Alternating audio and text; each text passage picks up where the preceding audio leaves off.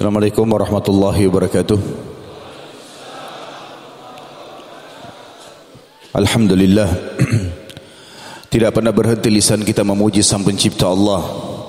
Sebagai seorang muslim dan mukmin, Kita sangat yakin dengan kalimat La ilaha illallah Yang berarti La ma'buda bihaqqin illallah. Tidak ada Tuhan, pencipta, pemilik, penguasa Semua yang di langit Semua yang di bumi semua yang di kedalaman lautan terjangkau atau tidak terjangkau oleh mata kita kecuali Allah. Dia zat yang maha sempurna maha adil maha bijaksana maha luas rahmatnya bagi orang-orang yang patuh dan beriman dan amat amat keras siksanya bagi orang-orang yang kufur dan membangkang.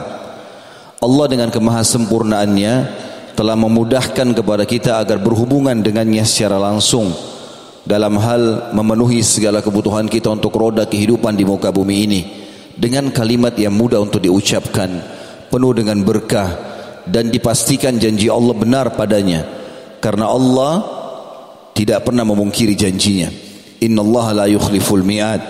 Dan janji Allah pada kalimat ini adalah dalam firman yang lain la in syakartum la azidannakum wa la in kafartum inna adabi la syadid. Kalau kalian bersyukur lisan kalian selalu mengucapkan alhamdulillah aku pasti akan tambah dan kalau kalian kufur azabku sangat pedih. Maka jadilah sosok muslim yang selalu membasahi lidah dan bibirnya dengan kalimat alhamdulillah. Selanjutnya kita panjatkan salam hormat kita penuh dengan cinta dan rindu kepada manusia terbaik. Manusia yang telah disempurnakan jalur nasabnya fisiknya ilmunya oleh Allah secara langsung. Allah telah memilihnya menjadi pemimpin anak Adam penutup para utusan atau rasul. Tidak lagi nabi dan rasul setelahnya semua yang halal hanya dihalalkan olehnya. Yang haram yang diharamkan olehnya. Perintahnya wajib dipatuhi. Larangannya mendatangkan siksa Allah kalau dilanggar. Manusia terbaik ini diperintahkan oleh Allah Untuk dijadikan sebagai suri tauladan. Dan juga mengucapkan satu kali salam hormat kepadanya Dibalas oleh Allah dengan sepuluh kali tambahan rahmat. Dan rahmat Allah luas sekali. Masuk dalamnya adalah pengampunan dosa Peninggian derajat dan pemenuhan segala kebutuhan Maka jadilah setelah memuji Allah Alhamdulillah Sosok muslim yang selalu membacakan salawat dan taslim kepada Nabi besar Muhammad Sallallahu alaihi wasallam Pertama-tama saya bersyukur kepada Allah subhanahu wa ta'ala atas kesempatan yang Allah berikan ini Baik dari umur, waktu, kesehatan, kemudahan Dan juga Allah mudahkan saudara-saudara saya di Bima ini Bisa menghadiri di masjid. Salah satu rumah Allah ini Tentu kita semua berkumpul di sini hanya karena Allah Subhanahu wa taala, tidak ada niat yang lain. Ikhlaskan niat saudaraku.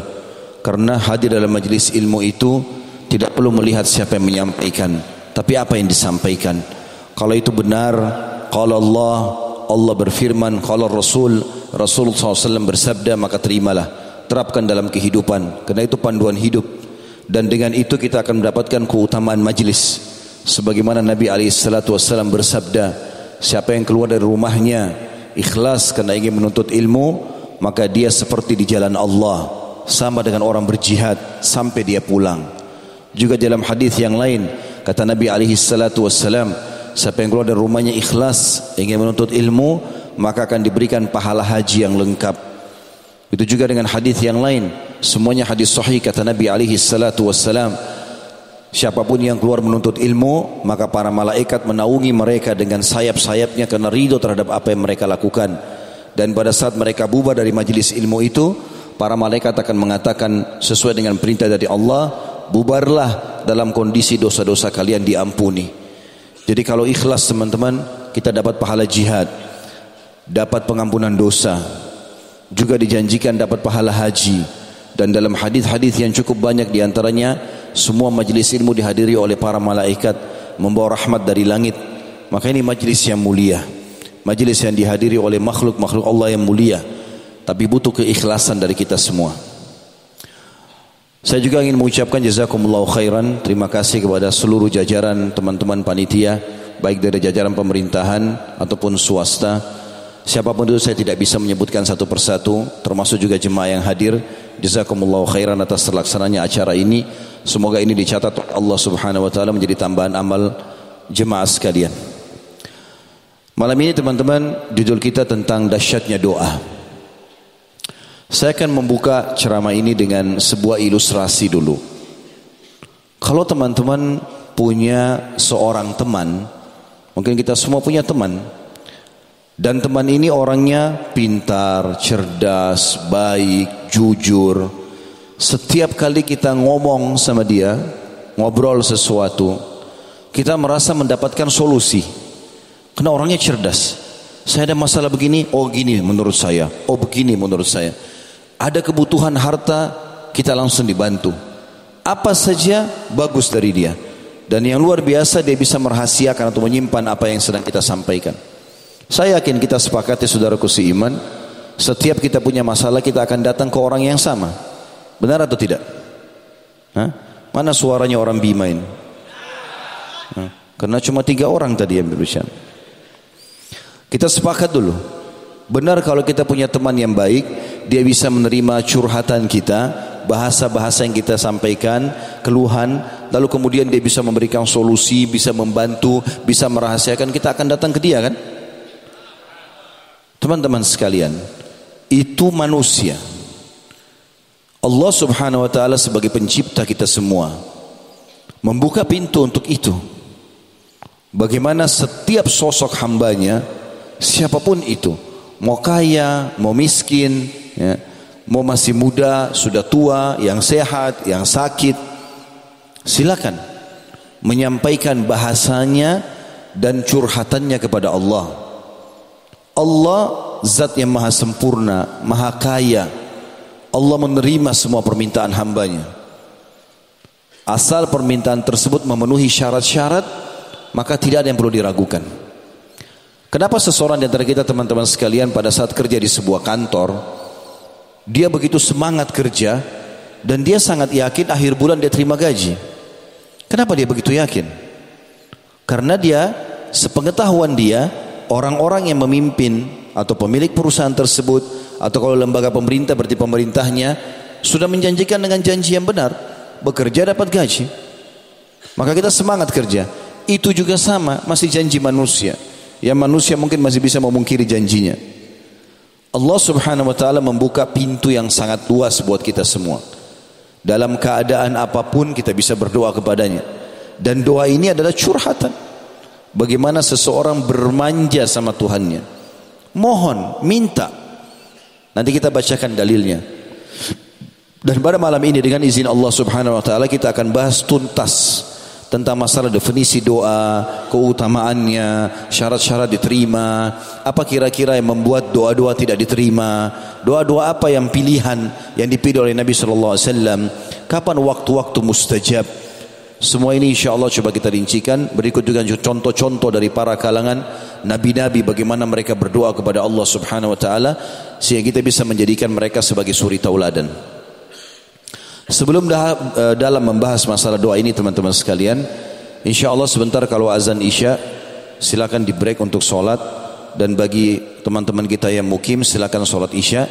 Saya sama teman-teman tadi sudah menjamak untuk lebih memberikan spare tempat di masjid ini karena padatnya orang masya Allah yang hadir. Maka saya sama teman-teman yang sudah musafir tadi sudah sholat dengan isya kami akan ke bagian depan masjid. Baru teman-teman sholat isya habis itu kita lanjutkan insya Allah. Baik kita mulai teman-teman dengan definisi doa. Apa itu doa? Sering kita dengar doa, doa, doa. Orang tua kita bilang berdoalah. Kita punya masalah orang sampaikan berdoalah. Apa doa itu? Ulama memberikan definisi doa itu secara etimologi, bahasa. Itu adalah memanggil, memohon dan menyeru. Sementara secara terminologi, secara istilah yang dipakai dalam keseharian adalah menyeru, memohon eh, dan juga meminta kepada sang pencipta Allah yang maha mulia dan maha agung. Bahasa sederhananya, curhat dan bermanja kepada sang pencipta. Itu doa. Jadi teman-teman, sangat bodoh kalau ada orang berdoa kapan dia perlu saja. Padahal doa itu tempat dia bagaimana menyampaikan apa pun hajatnya. Saya ingin memberikan sebuah poin dalam mukaddimah kita ini. Teman-teman harus tahu dalam berdoa ini lebih afdal, lebih besar pahalanya seseorang itu berdoa agar nikmat Allah dipertahankan daripada musibah sudah datang minta jalan keluar. Faham ya? Saya ulangi. Lebih afdal di sisi Allah, pahalanya lebih besar kalau teman-teman sekalian meminta kepada Allah nikmat yang sedang ada, kita lagi sehat, minta ditambah kesehatan. Kita punya anak, minta ditambah keturunan. Kita punya harta, diminta minta tambah ke, ke uh, uh, harta itu. Kita minta punya harta minta ditambah harta. Kita minta apa sajalah. Apa kira-kira nikmat Allah yang ada sama kita, minta supaya itu ditambahkan. Tamak dengan rahmat Allah. Itu lebih afdal, lebih Allah suka daripada kita sudah kena musibah baru minta jalan keluar. Udah sakit baru minta sembuh. Allah lebih suka kalau kita sehat minta ya Allah pertahankan kesehatanku. Itu lebih Allah suka, lebih besar pahalanya. Kenapa saya sampaikan teman-teman di awal pembukaan kita? Karena banyak orang berdoa nanti kalau sakit saja. Berdoa nanti kalau dia lagi bangkrut usaha. Berdoa kalau lagi hadapi masalah. Padahal sebenarnya tetap lebih afdal dia menyampaikan doanya pada saat dia sedang dalam keadaan sehat, lagi kaya, lagi banyak semua fasilitasnya. Justru itu puncaknya.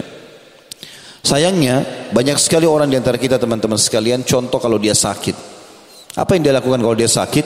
Pergi ke dokter A, Dok tolong saya mau sembuh. Obatnya apa? Ini obat ini. Belum sembuh datangi ke dokter. Dok kenapa ini saya belum sembuh? Obat apa lagi? Atau kadang-kadang pergi berobat ke dokter yang berbeda Rumah sakit yang berbeda. Tapi subhanallah nggak pernah lisannya sedikit pun berdoa kepada Allah. Allah dijadikan oleh dia nomor 30 dalam kehidupannya. Kalau semua dokter 5-6 dokter yang dia berobat sudah mentok nggak ada yang bisa lagi memberikan dia solusi Baru dia sholat tahajud Kenapa enggak dari awal sebelum berdoa, sebelum ke dokter berdoa dulu. Ya Allah jadikan dokter ini penyebab saya sembuh. Allah jadikan dokter itu dan obatnya penyebab kita sembuh. Walaupun obatnya sederhana. Berapa banyak subhanallah orang hanya minum air hangat sembuh.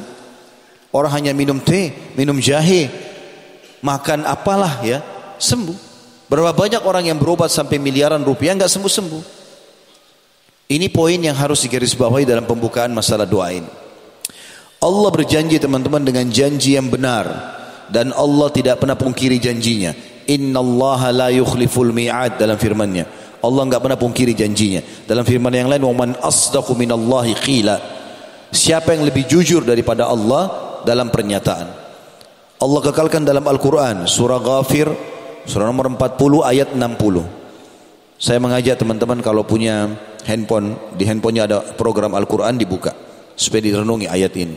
Dan banyak ayat-ayat nanti kita sebutkan, kita tadaburi sama-sama. Bermula daripada ayat ini teman-teman, surah Ghafir atau surah Mukmin juga nama lainnya ya.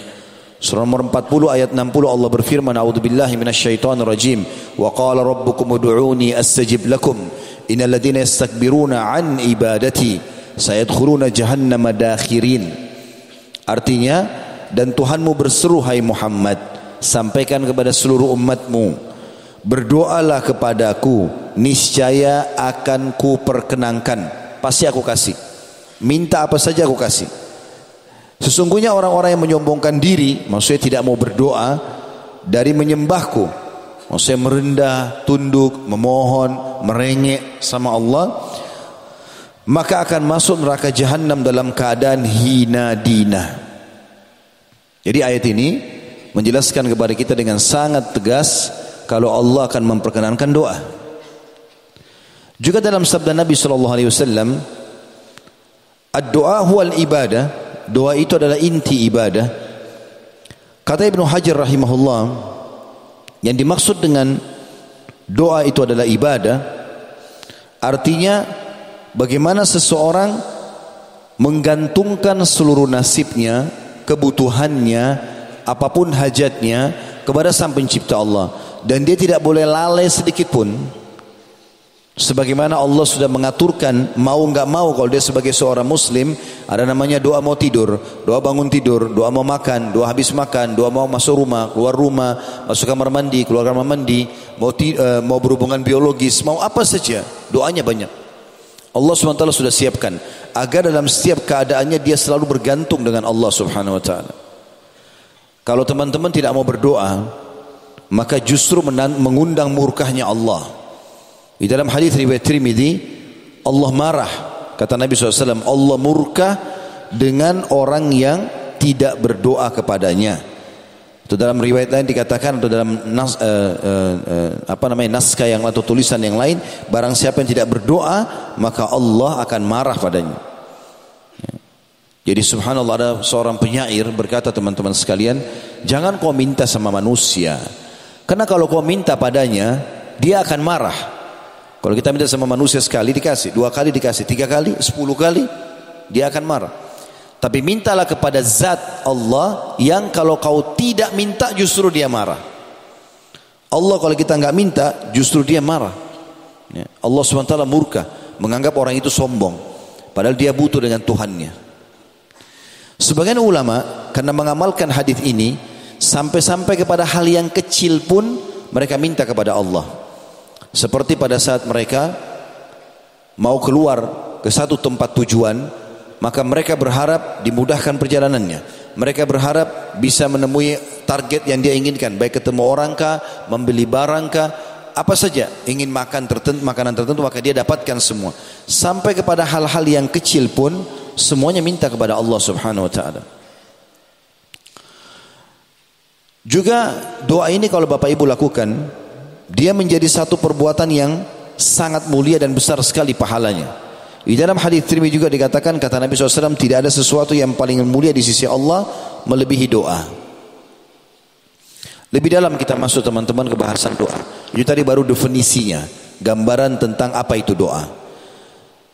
Kita ada ada poin sebenarnya saya susun di sebuah tulisan saya insya Allah terbit dalam bentuk buku dalam waktu dekat judulnya dahsyatnya doa seperti ini. Ada barang muhasabah dulu. Yang paling pertama teman-teman kita harus fahami poin penting dalam doa juga Doa itu adalah ibadah. Maksudnya kita melihat hasilnya sudah dapat atau belum dapat maka dia adalah ibadah. Dalam arti kata kita tetap akan dapat pahalanya pada hari kiamat. Kalaupun kita tidak dapat ya, di dunia. Tapi dia dicatat pahala. Yang kedua, doa yang dipanjatkan selama memenuhi syarat, nanti kita sebutkan syarat-syaratnya. Selama memenuhi syarat, maka pasti diterima. Hanya saja ada tahapan pemberian. Kata Nabi SAW, tidak ada seorang muslim pun di muka bumi yang berdoa pada Allah kecuali Allah akan menjawabnya. Tetapi melalui salah dari tiga tahapan. Yang pertama, Allah beri langsung di dunia permintaannya. Misal dia mengatakan, Ya Allah sembuhin saya. Lalu dia ketemu sama seseorang. Orang itu dokter misalnya. Atau misal kalau ada yang bertanya begini, Ustaz dari mana saya bisa tahu kalau doa saya diijabah sama Allah? Maka jawaban saya adalah datang dalam bentuk sinyal. Misalnya kita berdoa di sholat tahajud, Ya Allah terimalah, sembuhkanlah penyakit saya misalnya. Ya Allah mudahkanlah rezeki buat saya. Mudahkanlah jodoh, mudahkanlah pekerjaan. Misal. Dari mana kita tahu doa kita diijabah? Perhatikan contohnya kata ulama adalah, kalau kita bilang, Ya Allah sembuhin penyakit saya. Lalu Allah sudah ijabah doa itu. Besok misalnya kalau kita sholat malam tadi malam minta, besok kita ketemu dengan seseorang tamu datang ke rumah. Atau ada teman kantor yang kita ketemu, atau partner bisnis, atau tetangga. Ngobrol-ngobrol secara umum, terus tiba-tiba masuklah pembicaraan kepada penyakit kita. Lalu dia bilang, setahu saya ada dokter yang bagus di sana. Lalu kemudian kita pergi ke dokter tersebut, konsultasi cocok, resepnya cocok, sembuh. Kira-kira pertanyaan saya teman-teman, dokterkah yang sembuhkan kita? Tentu bukan. Kenapa? Dokter pun kalau di resep cuma tulis semoga lekas sembuh ya. Enggak ada dokter tulis pasti sembuh. Pasti resepnya semoga lekas sembuh. Itu saja. Jadi Allah Subhanahu wa taala menjawab permintaan kita dengan cara seperti itu. Misalnya Allah mudahin rezeki buat saya. Tiba-tiba besok ada yang tawarin mobil. Dia mau jual mobilnya, kita nggak ada duit mau beli mobil. Jangan buru-buru batalin. Siapa yang gerakin orang ini? Kenapa dia datang ke kita? Kok tiba-tiba tawarin ke saya? Baik tunggu sebentar. Coba saya telepon teman-teman saya yang lain. Mungkin ada yang mau misalnya. Lalu mungkin dari situ teman-teman kita memberikan kita uang. Orang mengatakan minta jodoh. Berapa banyak orang yang menawarkan diri kepadanya. Berapa banyak orang yang menawarkan anaknya. Tinggal dia menangkap sinyal itu. Doa Allah subhanahu wa ta'ala sangat dekat. Dan dia akan beri kepada kita. Atau yang kedua kata Nabi SAW. Jadi tidak ada seorang muslim pun berdoa di muka bumi kecuali diterima doanya hanya melalui tiga tahapan. Yang pertama Allah kasih langsung kayak tadi. Yang kedua dihilangkan keburukan yang akan menimpa dia. Kata Ibnu Qayyim rahimahullah, kalau ada seorang hamba misal berkata, "Ya Allah, sembuhkan anakku." Anaknya sakit. Lalu dia berdoa selama 10 tahun. Dan ternyata menurut dia anaknya belum sembuh. Maka kalau dia mengira bahwasanya doanya belum diijabah, kata Ibnu Qayyim itu kekeliruan yang sangat besar.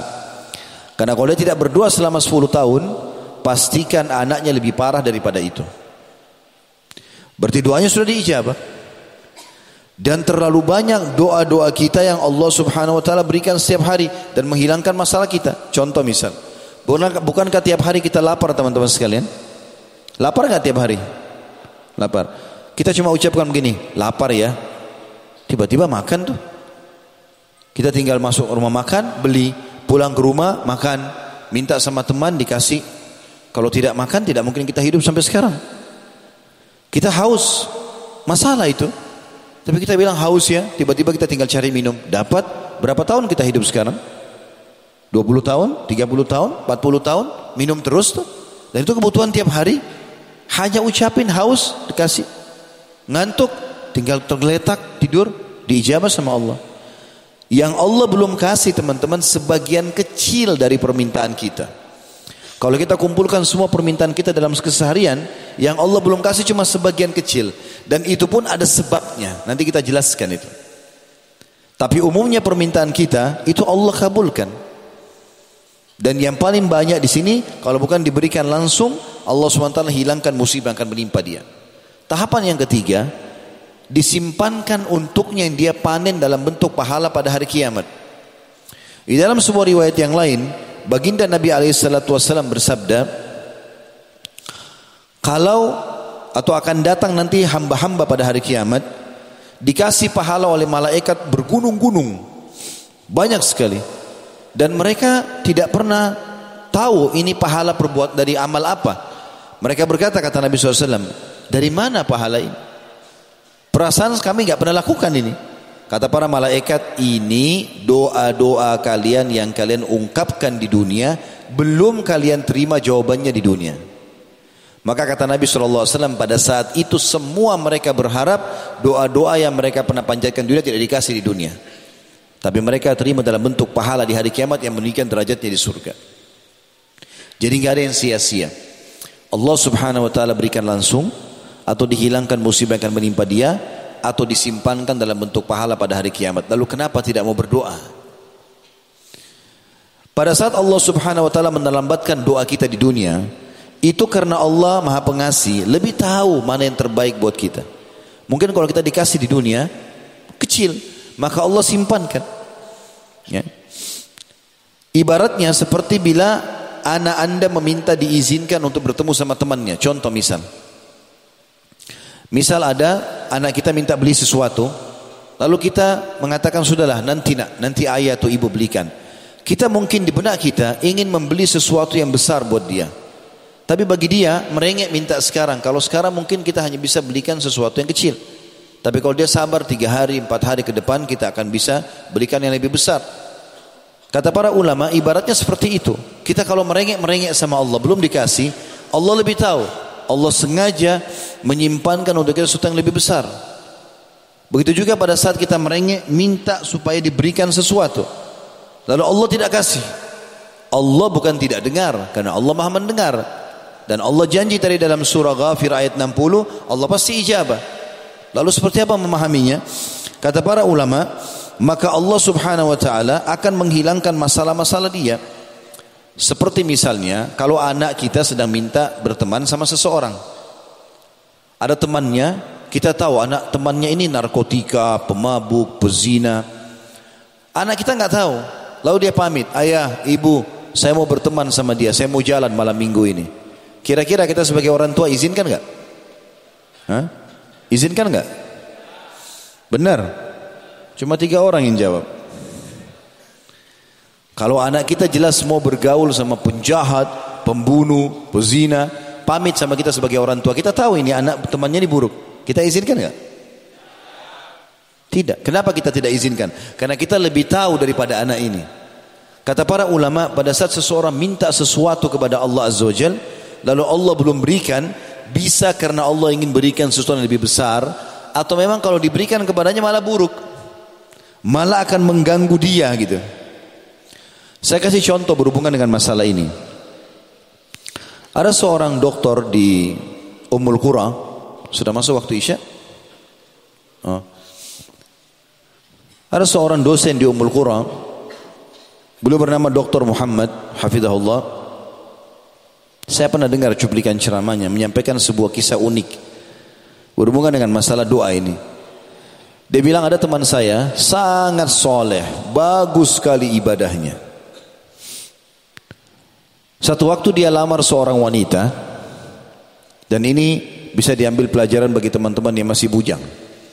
Ada bujang nggak hadir sini? Banyak. Kasihan betul. Maka Dokter Muhammad bilang teman saya ini sangat soleh, ibadahnya bagus, luar biasa pokoknya udah. Suka sedekah, bakti sama orang tua, semua kebaikan ada padanya. Satu waktu dia lamar wanita, satu wanita cocok udah. Perempuan itu juga cocok, dilamar. Sepakat tiga bulan lagi pernikahan. Subhanallah, satu bulan berlalu dari masa kesepakatan tiga bulan ini, misalnya Januari dilamar, April akan menikah. Berjalan sebulan, pas sudah lewat Februari, pihak perempuan ini tiba-tiba membatalkan. Tanpa sebab. Nangis-nangis sama orang tuanya, minta batalkan pernikahan. Sampai laki-laki ini di, e, disampaikan pada berita, dia tanya orang tuanya, kenapa? Apa sebabnya? Ada kesalahan saya lakukan? Enggak ada. Saya sudah tanya anak saya, kata ayahnya, tetap saya dia tidak mau. Pokoknya intinya batal pernikahan. Di lobi sana sini berusaha bicara sama pamannya, tantenya, enggak ada. Pokoknya anak perempuan ini sudah bulat, batalkan pernikahan. Nangis-nangis, enggak mau makan, enggak mau keluar kamar. Kata dokter Muhammad, ini kejadiannya unik karena teman saya ini orang soleh. Dia tahu betul orang yang rajin sholat malam, lima waktu di masjid, luar biasa pokoknya amalnya. Kata dia, temannya merasa, ini teman saya sudah merasa sudah nggak ada jalan lain, ya sudah dibatalkan pernikahan. Tapi dalam dua bulan yang tersisa, misalnya tadi kalau kita bilang Januari ke April, bulan Februari sudah lewat dibatalkan, maka bulan Maret sama April ini dia terus berdoa. Anak muda ini terus berdoa.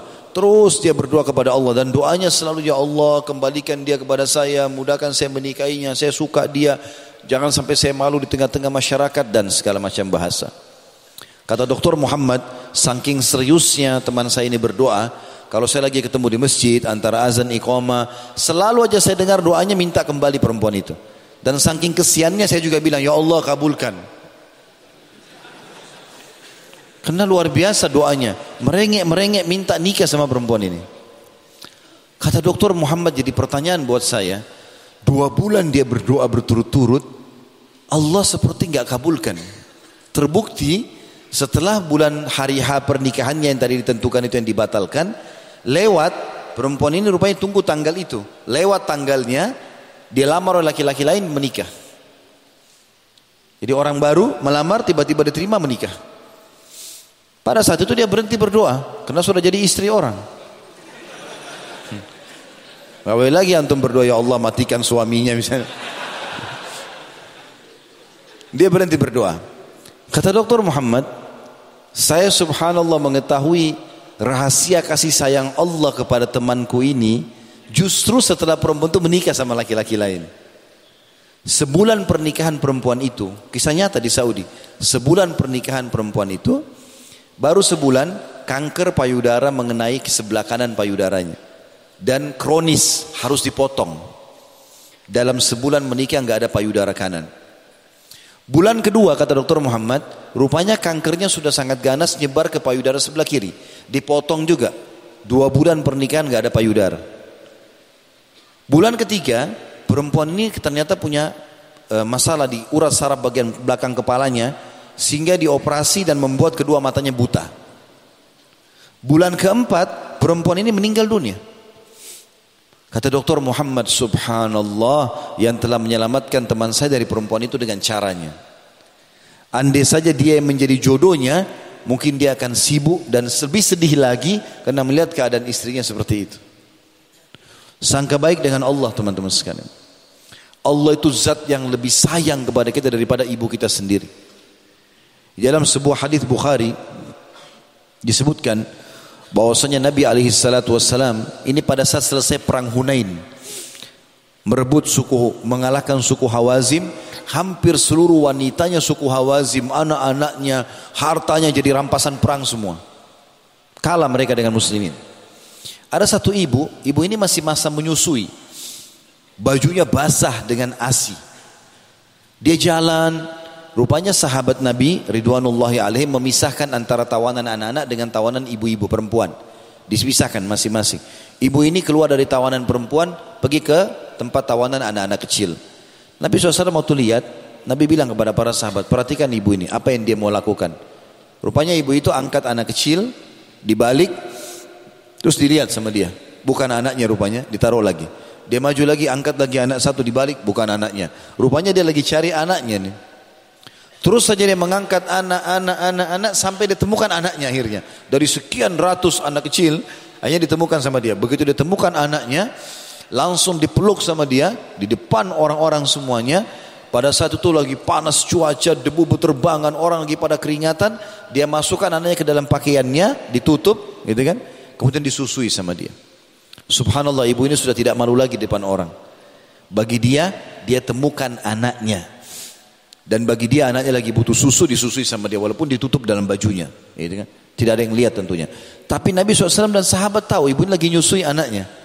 Kata Nabi SAW, saya mau tanya kalian kepada para sahabat. Kalau kita bakar api unggun, lalu kita minta ibu itu lempar anaknya ke api. Mau nggak dia lempar? Kata para sahabat tentu tidak ya Rasulullah. Lihat kasih sayangnya dia sama anaknya begini, nggak bakal dia bunuh anaknya gitu. Kata Nabi SAW ini pesan Nabi. Demi zat, maksudnya demi Allah yang jiwa Muhammad dalam genggamannya. Maksudnya demi Allah. Tuhan kalian Allah lebih sayang kepada kalian daripada ibu itu kepada anaknya. Allah itu sangat sayang dengan kita teman-teman. Jangan bersangka buruk dengan Allah. Antum kalau sampaikan hajat apa pun Allah dengar.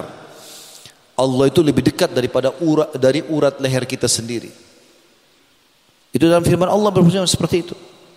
Dan para sahabat saking fahamnya poin ini, sampai-sampai kalau sendal mereka putus, dalam banyak riwayat mereka angkat tangan ke langit sambil mengatakan, Ya Allah, sendal saya putus gantikanlah. Sendal minta sama Allah. Kita kadang-kadang berpikir nanti kalau penyakit kronis baru minta sama Allah. Tidak teman-teman sekalian. Kita kalau mau pakai baju ada doanya, lepas baju ada doanya, mau tidur ada doanya, hal kecil pun minta kepada Allah. Allah kalau kita minta tidak akan melemparkan obat dari langit kalau minta sembuh. Tapi Allah mudahkan kita ketemu sama dokter yang cocok, obat yang cocok sembuh. Sebagaimana sudah saya jelaskan tadi. Teman-teman sekalian kita akan masuk ke syarat diterimanya doa. Masih ada waktu dari azan isya? 10 menit. Baik. Ada kurang lebih yang saya susun ya. Ini sepengetahuan saya tentu mungkin masih ada yang lain. Allahu alam. Tapi saya susun kurang lebih ada sembilan syarat diijabahnya doa. Yang paling pertama adalah ikhlas. Apa itu ikhlas teman-teman? Lawan riak. Kapan kita melakukan ibadah untuk makhluk supaya dipuji, kita lagi berdoa setan bisikin. Itu orang di sebelahmu lagi lihat, berdoalah lama-lama. Ya. Sujudlah, jangan angkat kepalanya, tunggu lagi dilihat, tunggu di foto, tunggu ini dan itu. Was-was syaitan. Dan ingat, semua ibadah kata ulama akan terlintas riak. Yang paling pertama syaitan lintaskan riak dulu.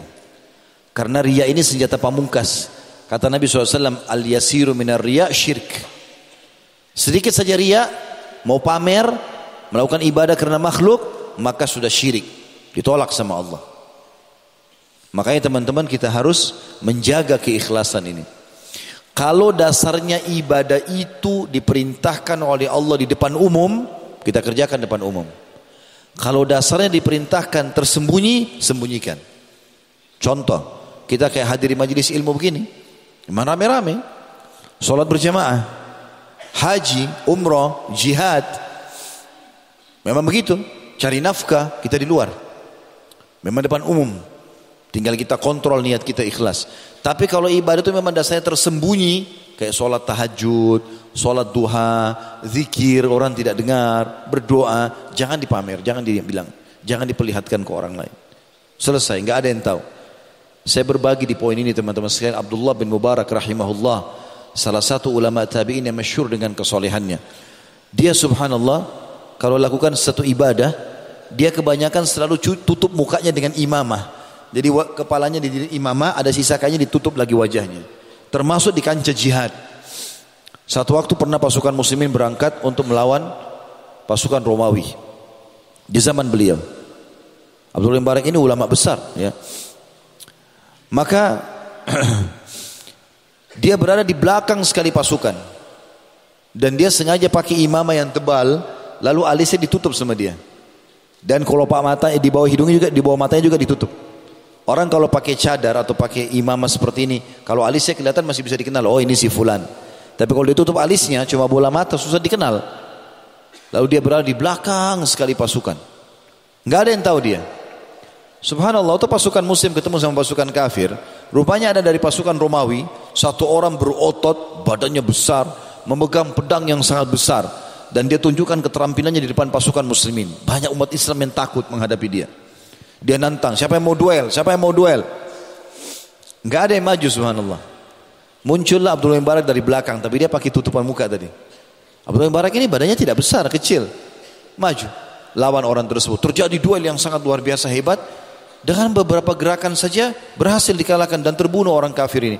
Yang tadinya karena kuatnya ototnya sampai mungkin kalau ditebas dengan tebasan orang yang kekuatannya tidak banyak maka tidak sobek kulitnya orang ini karena kekarnya. Seperti binaragawan kalau kita gitu. Tapi subhanallah Ibnu Barak bisa membunuhnya. Waktu dia mati, orang-orang pada bertakbir, Allahu Akbar, Allahu Akbar. Semangat umat Islam semangat lagi. Abdullah Barak jalan di pinggir pasukan pergi ke belakang. Enggak pamer-pamer depan orang, angkat pedang enggak ke belakang. Orang Islam kena sibuk menghadapi musuh tidak ada lagi yang lihat dia. Rupanya ada satu orang mengikuti dia dari belakang. Dia bilang demi Allah saya mau tahu siapa orang ini. Lalu dikejar lagi dari belakang, diam-diam orang itu Abdul Barak lagi di belakang sekali, dia lewat dari belakang kuda, dia loncat, ditarik cadarnya imamahnya. Kelihatan mukanya. Pada saat itu Abdullah bin Barak marah. Kenapa kau lakukan ini? Dia bilang ternyata kau hai Abdullah. Ya. Kata dia iya tutupi aibku ini kata Abdullah Mubarak dia menganggap kalau orang tahu aib bagi dia perhatikan teman-teman dan bedakan dengan keadaan sebagian orang di antara kita baru nyumbang sedikit masjid baru nyumbang sedikit untuk anak yatim sudah satu negeri tahu ya. bahkan subhanallah di era kita sekarang medsos tidak bisa kalau tidak diekspos ekspos sana sini mau pergi taklim saja sudah tulis pergi taklim pulang taklim sholat malam, pamer sama orang. Ya. Bedanya ikhlas dengan riak teman-teman, sebagian kata ulama ya, sebagian perbedaan dasar, kalau ikhlas itu tidak akan bicara kecuali ada pertanyaan. Misal, kita mau ke masjid, orang tanya, mau ke mana pak? Mau ke masjid. Kita nggak mungkin juga diam. Kalau kita bilang nanti kalau saya jawab riak nih, akhirnya orang jadi curiga. Kalau ditanya jawab, itu ikhlas. Ditanya saja, kalau ria tidak ditanya, dia yang menceritakan, dia yang bertanya. Kau puasa nggak? Puasa nggak? Saya puasa. Gak ada yang nanya. Ria. Gitu kan? Ikhlas ini Allah perintahkan dalam surah Al-A'raf surah nomor 7 ayat 29 A'udzubillahi minasyaitonir rajim kul amara rabbi bil qist wa aqimu wujuhakum inda kulli masjidin wad'uuhu mukhlishina lahu din kama bada'akum ta'udun Katakanlah hai Muhammad Tuhanku menyuruh menjalankan keadilan dalam setiap keadaan harus adil. Dan katakan juga luruskan wajah kalian di setiap solat dan berdoalah pada Allah dengan mengikhlaskan ketaatanmu kepadanya. Sebagaimana dia menciptakan kamu pada permulaan demikian pula kamu akan dikembalikan kepadanya. Hati-hati di poin ini teman-teman. Saya tutup dengan ini. Silakan solat habis ini kan ada hadis yang cukup panjang. Saya sampaikan riwayat Bukhari Muslim Kata Nabi SAW saya langsung terjemahkan saja akan orang aku diperlihatkan tiga orang yang pertama masuk neraka. Tiga orang pertama masuk neraka. Lalu Nabi SAW mengatakan yang pertama adalah orang yang mati syahid. Ini mati syahid teman-teman bukan hal yang ringan, berat. Ya kalau kita laki-laki ini Fahami kita harus ke medan jihad, tinggalkan istri, tinggalkan pekerjaan, masuk di medan perang, bisa tangannya terputus, bisa matanya tercongkel, bisa disiksa, bisa segala macam. Iya kalau langsung mati, kalau enggak. Sulit untuk mendapatkan itu dan itu pun harus ikhlas, kalau enggak jadi masalah. Kata Nabi SAW orang yang pertama dilempar ke api neraka. Bukan orang kafir, orang yang mati syahid. Lalu Nabi SAW jelaskan, Allah datangkan dia. Kemudian Allah perlihatkan kepadanya segala macam nikmat. Dari badannya yang kekar, sifat keberaniannya, keterampilan perangnya, biaya yang dia keluarkan, segala macam. Akhirnya Allah subhanahu wa ta'ala memperlihatkan dan dia kenal nikmat-nikmat itu semua. Lalu Allah tanya, apa kau gunakan? Di mana kau gunakan ini semua? Keberanianmu, kekuatan ototmu, keterampilan perangmu, hartamu, di mana? Di mana ya Allah, enggak ada satupun kesempatan untuk berjihad di jalanmu kecuali aku lakukan. Dan itu aku lakukan karena kamu. Kata Allah SWT, kau telah dusta. Di hari kiamat enggak bisa lagi orang bohong. Kau telah dusta. Kau berperang supaya kau dikatakan seorang yang pemberani dan sudah diucapkan. Kau sudah dapat itu pujian orang maka Allah memerintahkan dia memberikan malaikat untuk menyeret wajahnya di bawah di tanah lalu dilempar ke api neraka. Teman-teman pujian orang yang selama ini dikejar oleh orang ria ini hanya sepanjang lidahnya. Ini saja. Kamu hebat ya. Kamu soleh ya. Kamu soleha. Oh kamu dermawan. Ini sepanjang lidah. Pujian orang gak membuat perut kita kenyang. Gak membuat wajah kita tambah tampan. gak membuat harta kita bertambah. Gak ada manfaatnya. Enggak buat apa-apa. Ada orang semalam suntuk sholat malam, besok pagi cerita sama teman di kantor, hilang semalam suntuk dengan dua tiga kalimatnya. Untuk apa? Apa manfaatnya? Dan ini kata Nabi SAW, dia membu dia mati syahid karena dia mau dikatakan seorang pemberani. Sudah diucapkan. Sudah dapat, oh itu pang, perang panglima, itu kesatria, itu segala macam. Yang kedua, yang Allah berikan kepadanya Al-Quran. Riwayat lain Al-Quran dan ilmu agama. Lalu dia mengajarkan ke sana sini. Kemudian Allah datangkan dia. Diperlihatkanlah. Pada saat pertama dia nuntut ilmu. Kemudian pada saat pertama dia mengajar. Pertama dia hafal surah Al-Quran sampai dia jadi hafid Quran. Lalu Allah tanya. Apa yang kau kerjakan dengan ilmumu dan Al-Quranmu ini? Ya Allah, tidak ada kesempatan untuk mengajarkan ilmu kecuali aku lakukan dan tidak ada kesempatan baca Quran aku baca di siang hari dan malam hari karenamu ya Allah kata Allah kau dusta kau belajar agar kau dikatakan seorang alim ulama dan kau belajar dan kau baca Quran supaya kau dikatakan qari pembaca Al-Quran gitu kan? Dan sudah diucapkan. Tapi kau dusta. Maka diseret wajahnya dilempar ke api neraka. Bayangkan hafid Quran dan dai. Yang ketiga adalah orang yang Allah berikan kata Nabi SAW harta yang melimpah. Segala macam jenis harta ada sama dia. Semua jenis bisnis dikuasai sama dia. Sampai kaya raya. Dan dia sibuk berinfak. Allah perlihatkan di hari kiamat. Dia tonton semuanya dia kenal nikmat itu. Allah tanya apa yang kau kerjakan dengan harta ini? Ya Allah aku tidak tidak tidak melihat sebuah kesempatan pun untuk berinfak kecuali aku berinfak di jalanmu. Karena kamu ya Allah kata Allah kau telah dusta. Kau berinfak agar kau dikatakan jawad dermawan dan sudah diucapkan. Lalu kemudian diseret wajahnya dilempar ke dalam api neraka. Ya sudah masuk waktu ya? Baik. Saya tutup dengan kisah ini. Subhanallah teman-teman. Kita lihat bagaimana orang-orang yang riak tidak diterima amalnya? Rahasiakan. Tahu dan yakin Allah maha lihat sifat Allah al-basir. Malaikat di kiri kanan mencatat tidak pernah istirahat tidak pernah capek dan semua tercatat dilihatkan pada hari kiamat. Sampai orang kafir Allah katakan dalam Al-Qur'an akan mengatakan hari kiamat a'udzubillahi minasyaitonir rajim. Ma li hadzal kitab la yughadiru saghiratan wala kabiratan illa ahsaha. Buku apa yang kami terima ini? Buku amal hari kiamat tidak bisa membedakan mana yang kecil, mana yang besar. Apa kata sebagian ulama tafsir? Dari pertama kita jatuh dari rahim ibu kita, tangisan pertama, kedipan mata pertama, yang ke sepuluh, yang ke seratus, yang ke satu juta, sampai kita meninggal, semuanya terlihat. Dan sebagian ulama di zaman sekarang mengatakan, jangan pernah bayangkan buku amal kita seperti buku yang biasa kita baca, bukan begitu. Kalau di zaman sekarang, kalau tentu bapak-bapak dan ibu sekalian yang hidup umurnya di atas 25 30 tahun lah pasti sudah tahu itu. 20 tahun yang lalu 25 tahun yang lalu tidak ada handphone. Kita masih pakai telepon rumah. Kita nggak pernah berpikir handphone seperti sekarang sudah jadi perpustakaan berjalan. Apa saja kita mau ada di handphone? Kita bisa bicara sama orang di ujung dunia dengan pakai video call sekarang. Luar biasa. Kita bisa simpan semua data bisa transfer uang bisa segala macam dari sini. Maka teman-teman sekalian kita harus fahami fasilitas yang Allah SWT berikan semua ini untuk digunakan di ketaatan kepada Allah Subhanahu wa taala, bukan pada kemaksiatan. Dan bagaimana kita menunggangi semua ini untuk lebih dekat kepada Allah Subhanahu wa taala. Mohon maaf kita break dulu insyaallah sebentar kita lanjutkan setelah salat Isya atau ba'da Isya. Subhanakallahumma bihamdika asyhadu an la ilaha illa anta astaghfiruka wa atubu ilaik. Wassalamualaikum warahmatullahi wabarakatuh. Assalamualaikum warahmatullahi wabarakatuh. Alhamdulillah wassalatu wassalamu ala Rasulillah. Segala puji dan puja kehadirat Allah Subhanahu wa taala. Segala salawat dan taslim kepada Nabi besar Muhammad sallallahu alaihi wasallam. Tentang dahsyatnya doa dan kita sudah masuk tadi ke Syarat yang pertama diterimanya doa adalah ikhlas. Bahkan ikhlas ini adalah syarat diterimanya semua ibadah. Sebagaimana dalam hadis sahih riwayat ahli sunan kata Nabi sallallahu alaihi wasallam inna Allah la yaqbalu amalan illa ma kana khalisan liwajhi.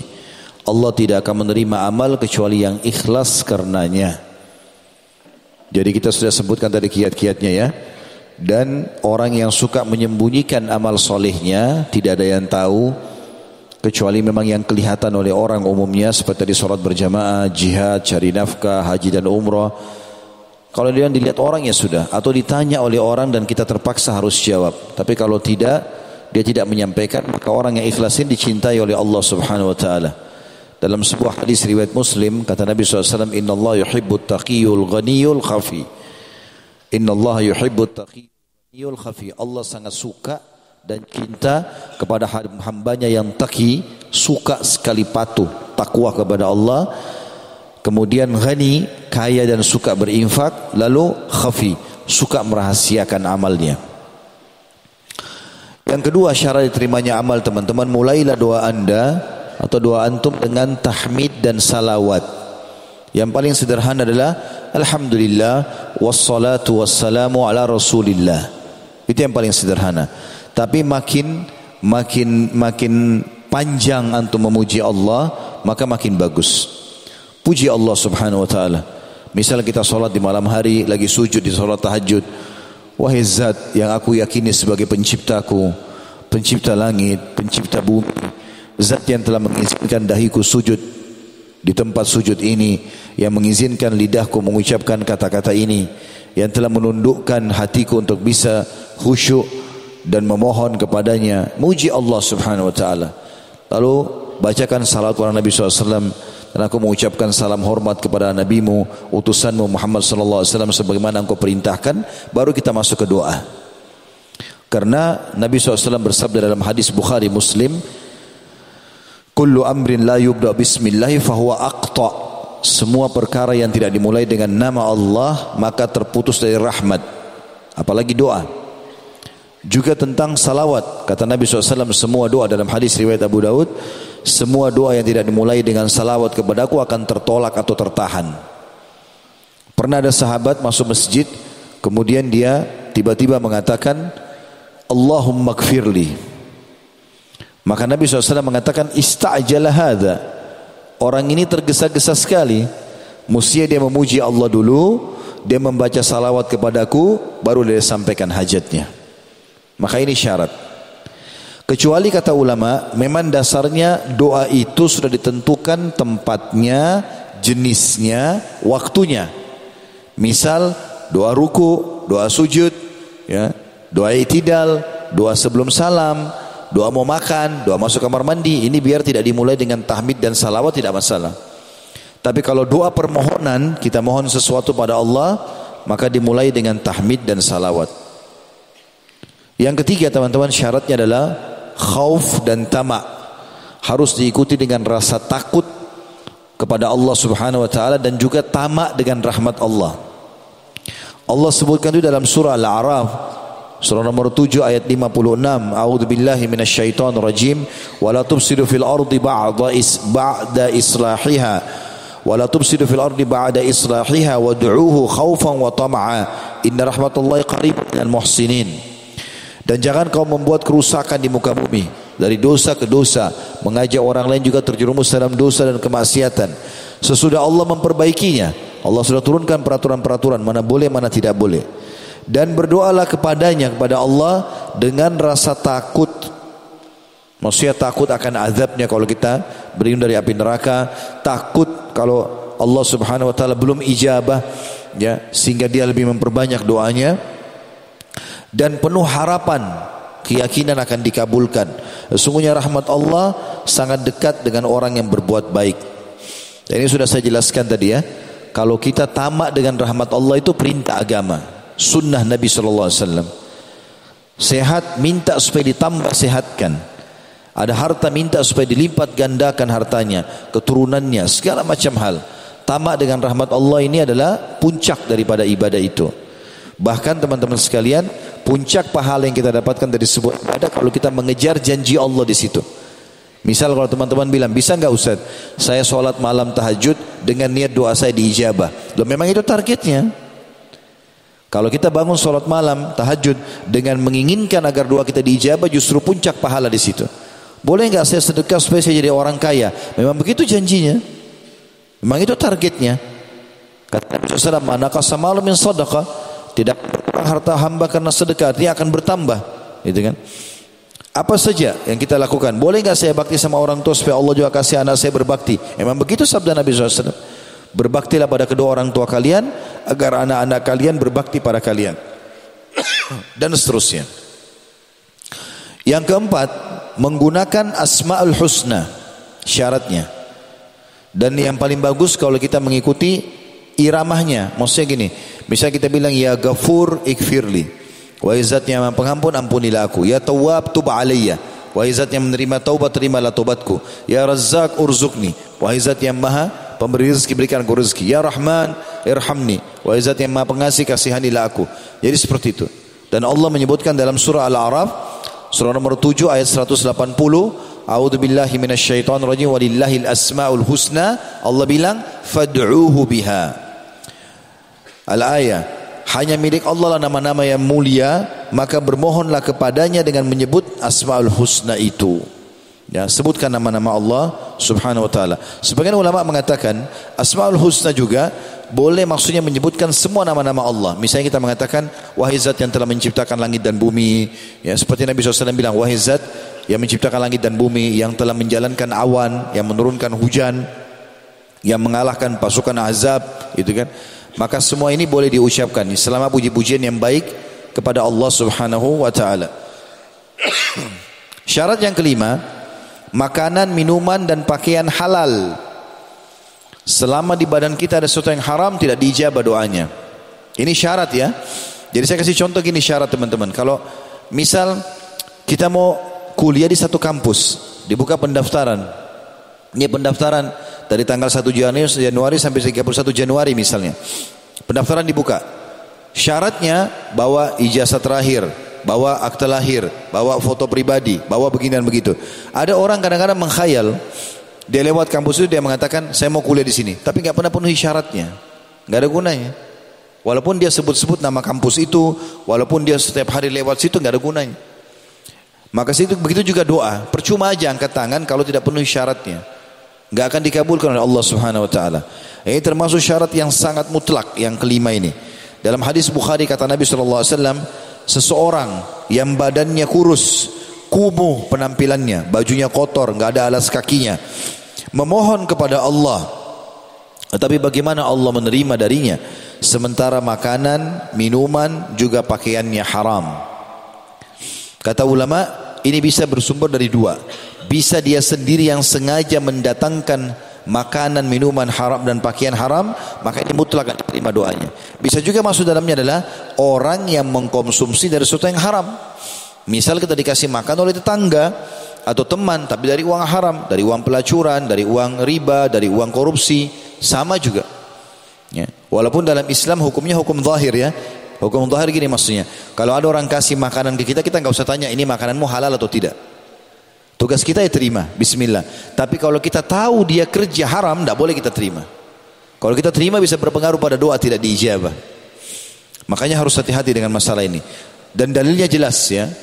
Tentang masalah, tadi Nabi SAW mengatakan, seseorang tidak akan diterima doanya, walaupun dia dalam kondisi susah, kurus badannya, kumuh bajunya, tidak punya alas kaki, karena makanan, minuman, dan pakaiannya haram.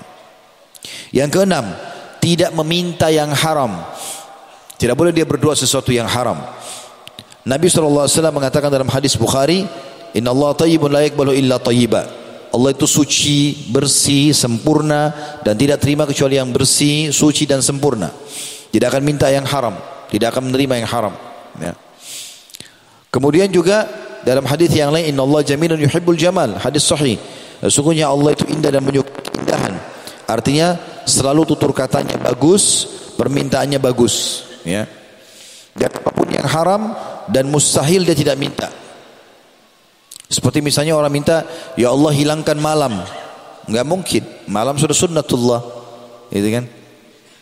Atau dia bilang berdoa apa? Minta misalnya ya Allah hilangkan bintang-bintang. Ya. Atau ya Allah hilangkan kaum wanita. Enggak mungkin. Karena sesuatu yang sudah Allah catatkan sunnatullah. Tidak boleh minta haram, tidak boleh juga minta sesuatu yang mustahil, ya. Kalau yang haram misalnya dia minta uang sama Allah minta rezeki tapi dia untuk mabuk, untuk zina, ya itu nggak akan diijabah sama Allah. Kalaupun ada sesuatu yang sampai ke dia, maka sesuatu itu adalah karena tercatat sebagai rezekinya saja. Tapi permintaannya tidak diijabah. Yang ketujuh, yang berdoa muslim. Kalau orang muslim tidak diijabah. Kecuali dalam satu keadaan, dia terzalimi. Kalau dia terzalimi, diijabah sama Allah. Ya, tapi kalau tidak terzalimi, tidak ada orang kafir diterima doanya. Dalilnya hadis Bukhari. Pernah ada beberapa pendeta Yahudi melewati Nabi SAW dengan Aisyah radhiyallahu anha. Lalu mereka mengatakan Assalamu alaikum. Bukan assalam. Mereka mau mengelabui dia pikir Nabi enggak dengar orang-orang Yahudi ini. Assalam artinya keselamatan. Assam artinya kematian. Maka Aisyah marah radhiyallahu anha mengatakan Assalamu alaikum wa la'nah. Semoga kematian buat kalian dan laknat Allah. Maka Nabi SAW sempat menjawab orang Yahudi mengatakan wa'alaikum dan untuk kalian maknanya.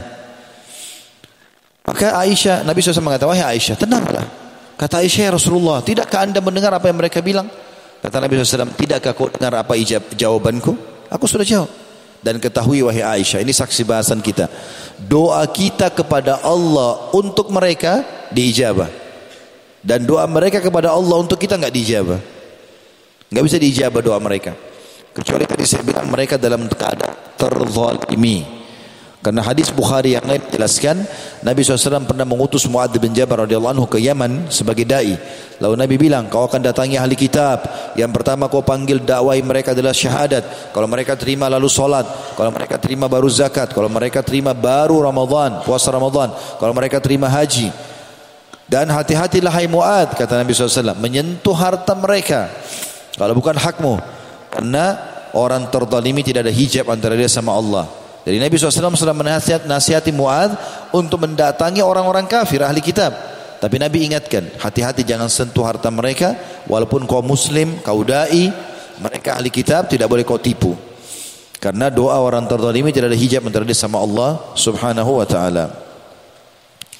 Yang kedelapan, syaratnya tidak boleh tergesa-gesa. Di sini tergesa-gesa dalam mengucapkan kalimat doa. Ada orang berdoa teman-teman seperti orang kumur-kumur saja. Rabbana atina fid dunya hasanah fil akhirati Enggak tahu apa yang dibilang. Ya akhi dan ukhti baca Rabbana atina fid dunya hasanah. Pelan-pelan. Wa fil akhirati hasanah wa qina adzabannar. Pelan-pelan. Rabbi ghfirli wa li walidayya warhamhuma kama rabbayani shaghira. Rabbi ghfirli wa warhamhuma kama rabbayani shaghira. Apa enggak tahu apa yang diucapin. Seperti orang kumur-kumur tergesa-gesa. Juga masuk dalamnya selain tergesa-gesa ucapan lisan, juga tergesa-gesa minta ijabah dari Allah. Seperti menghardik Allah. Enggak boleh ini. Kata Nabi SAW dalam hadis Bukhari, yustajabu li ahadikum malam ya'jal. Pasti Allah terima doa seseorang di antara kalian selama dia tidak tergesa-gesa. Sahabat bertanya, "Wa kaifa ya'jal ya Rasulullah?" Bagaimana cirinya orang tergesa-gesa itu? Kata Nabi SAW, Yakulu da'utu da'utu walam yustajabu li fatarakat doa. Dia bilang saya sudah berdoa, saya sudah berdoa belum ada jawabannya lalu dia tinggalkan doa. Kata ulama begini memahaminya. Setiap kali kita sudah ucapkan ikhwas sekalian, rahiman rahimakumullah, kita bilang ya Allah misalnya, bahasa Arabnya Allahumma atau kita bilang Rabbi wahai penciptaku. Maka pada saat itu juga Allah sudah siapkan garis finish ijabahnya. Mungkin sejam berdoa, mungkin dua kali berdoa, mungkin seminggu berdoa, mungkin sebulan berdoa, tapi sudah ada ijabahnya. Tinggal kita melalui proses itu enggak. Ada orang buru-buru, mungkin tinggal sekali lagi dia berdoa tapi dia berhenti. Lalu sangka buruk dengan Allah Subhanahu wa taala. Ibnu Qayyim punya sebuah statement yang menarik dalam masalah doa. Beliau mengatakan, kalau seandainya setiap muslim memahami dengan benar bahwasanya kalau dia belum melihat ijabah dari Tuhannya Allah maka dia menjadikan dirinya seperti anak kecil yang belum diberikan oleh orang tuanya permintaannya.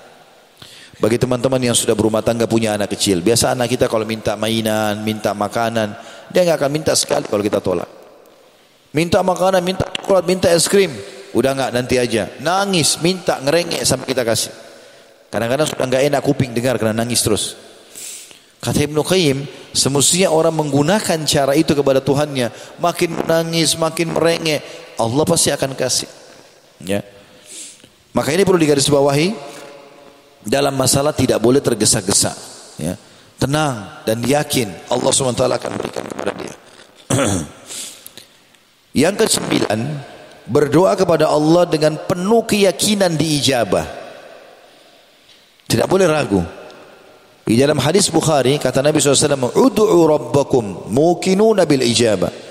Fa inna Allah la yaqbalu du'a min qalbin min qalbin ghafil. Berdoalah kalian kepada dengan penuh keyakinan karena sungguhnya Tuhan kalian tidak akan menerima doa dari hati yang lalai. Jadi harus yakin Allah Subhanahu wa taala Maha mendengar, Allah tahu. Ya. Dan Allah juga sudah menentukan waktu penerimaannya. Tinggal kita tugas kita berikhtiar saja. Lakukan saja. Jangan berhenti sampai ada uzur syar'i untuk berhenti. Meninggalnya seseorang tadi yang dia minta dinikahi itu sudah menikah jadi istri orang lain misalnya atau apalah ya dia minta sesuatu yang mustahil ya, minta malam dihilangkan apa itu nggak mungkin Selama itu tidak ada minta saja kepada Allah SWT dan harus yakin Allah tidak akan menerima dari hati yang lalai. Yang ke sepuluh maksimalkan tempat dan waktu diterimanya doa. Tadi saya bilang sembilan, ini sepuluh rupanya. Kalau tempat diterimanya doa, sebagian ulama menukil di Masyaril Haram. Kalau orang lagi haji di Arafah, di Mina, di Muzdalifah, gitu kan? Karena Nabi SAW di Arafah itu dalam hadis Bukhari dikatakan berdoa kepada Allah dari lepas asar mengangkat tangan beliau sampai putih ketiaknya kelihatan alaihissalatu wassalam dan tidak menurunkan tangannya kecuali sudah terbenam matahari di waktu maghrib. Saking lamanya berdoa dan beliau mengatakan tidak ada hari di mana paling banyak Allah bebaskan hamba dari api neraka dibandingkan hari Arafah. Disuruh memohon dan diijabah doa pada saat itu. Makanya dikatakan doa paling afdal adalah doa di Arafah. Ya. Begitu juga dengan Muzdalifah, Mina, tempat-tempat Masyaril Haram. Sebagian juga ulama menukil riwayat tentang Ibnu Abbas radhiyallahu anhu beliau menyebutkan tentang multazam. Multazam itu adalah dari Hajar Aswad ke pintu Ka'bah. Ya. Biasa teman-teman lihat ada banyak orang gelantungan di bawah pintu Ka'bah ya. Sebenarnya tidak dianjurkan seperti itu gelantungan, tapi multazam ini menurut riwayat Ibnu Abbas adalah tempat mustajab doa. Ya, saya biasa kalau bimbing umroh, kalau lagi tahu sama jemaah saya ingatkan, ini multazam Bapak Ibu sekalian. Ya, maka dia kita lewat dari Hajar Aswad ke pintu Ka'bah. Ini insya Allah tempat mustajab doa. Begitu juga pada saat minum air zam-zam. Ya, karena Nabi SAW mengatakan zam-zam liman syuribalah. Zam-zam sesuai dengan niat orang yang meminumnya. Ya. Teman-teman kalau di sini misalnya susah mendapatkan zam-zam dan ada zam-zam yang kebetulan dibawa dari eh, tanah suci maka boleh dicampur dengan air lain. Tidak harus semua zam-zam dipakai. Sebagian ulama mengatakan kalau zam-zam itu sulit di satu wilayah, mereka boleh mengambil tetesan-tetesan zam-zam ditaruh di gelas-gelas tehnya, di gelas susunya, di campuran kopinya, sudah menjadi zam-zam juga itu. Otomatis karena campuran zam-zamnya. Dan kata Nabi SAW, zam-zam liman syuribalah. Zam-zam sesuai dengan niat orang yang meminumnya. Dan Imam Syafi'i rahimahullah berkata, Aku minum zam-zam dengan niat tiga hal. Aku minta agar panahanku tidak pernah meleset. Dan Imam Syafi'i suka sekali berburu. Beliau bilang setelah minum zam-zam berdoa tidak pernah panahanku meleset. Yang kedua aku minta agar menjadi ulamanya muslimin. dan tidak ada yang tidak kenal Imam Syafi'i rahimahullah. Dan yang ketiga adalah aku minta dengan minum zam-zam supaya masuk ke dalam surga. Ini jelas mustajab doa. Yang lagi umrah, ya lagi pergi ke Madinah dan Mekah, usahakan jangan minum kecuali zam-zam saja, semaksimal mungkin. Bawa botol-botol, diisi, bawa ke kamar hotel, diminum. Ya. Sementara waktu cukup banyak yang mustajab doa, yang paling masyhur adalah sepertiga malam Ya, yang hadis Bukhari yang masyhur, kalau tertinggal sepertiga malam Allah Azza wa Jalla turun ke langit bumi. Riwayat Imam Ahmad adalah turun ke tempat yang paling dasar dari bumi, kemudian bertanya kepada para malaikatnya, adakah hambaku yang memohon aku berikan, adakah yang punya hajat aku penuhi, adakah yang bertobat aku terima.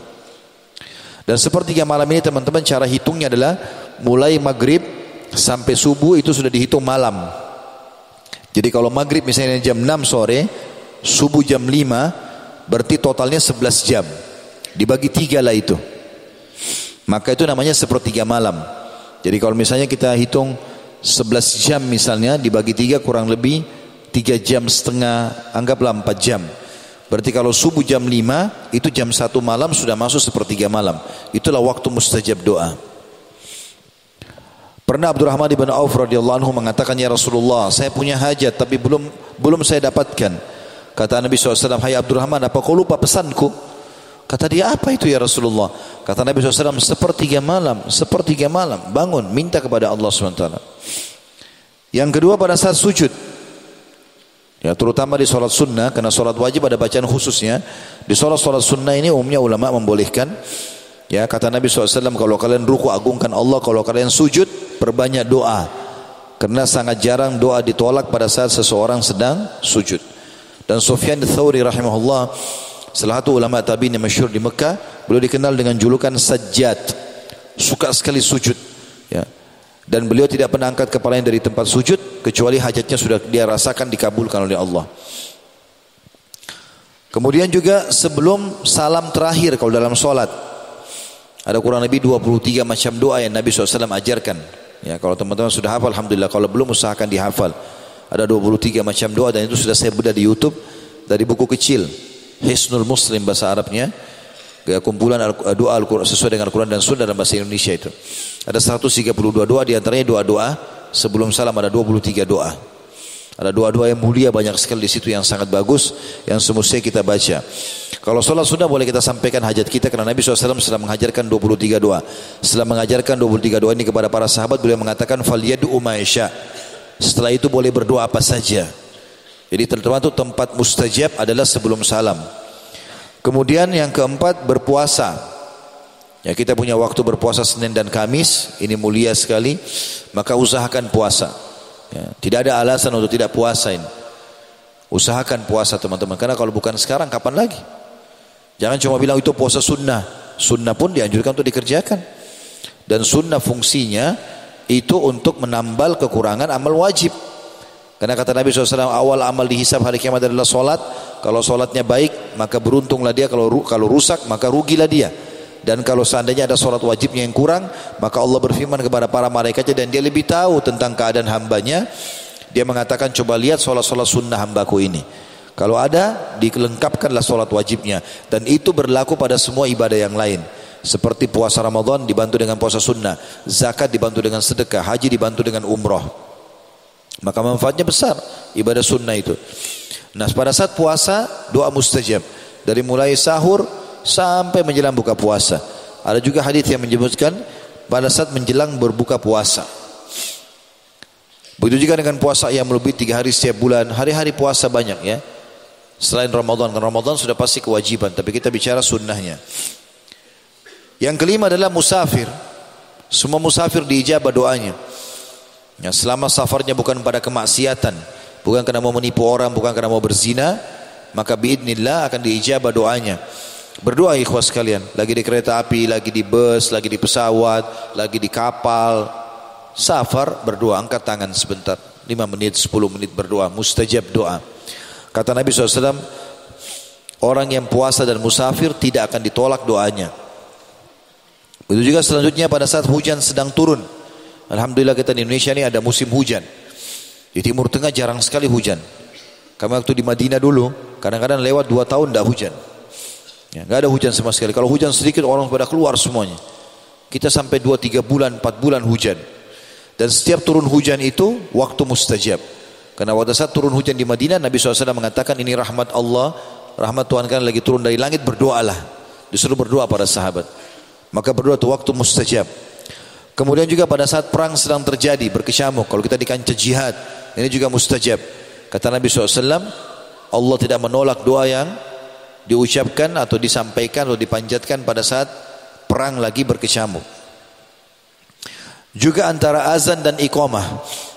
Nah, ini banyak masjid kita di Indonesia kadang-kadang kecuali kalau kayak tadi mungkinnya karena kita mengejar ta'lim. Tapi kalau lagi waktu lowong tidak ada kegiatan apa-apa teman-teman sekalian antara azan iqamah di, dikasihkan waktu yang cukup. 5 menit saja itu masih pendek sebenarnya. Tapi banyak masjid kadang-kadang pendek sekali gitu kan. Maka kalau di Masjid Haram Mekah Nabawi biasanya 20-25 menit ya. Kecuali memang darurat sekali orang-orang itu semua sibuk dengan kantor kerja. Kalau tidak ini waktu mustajab.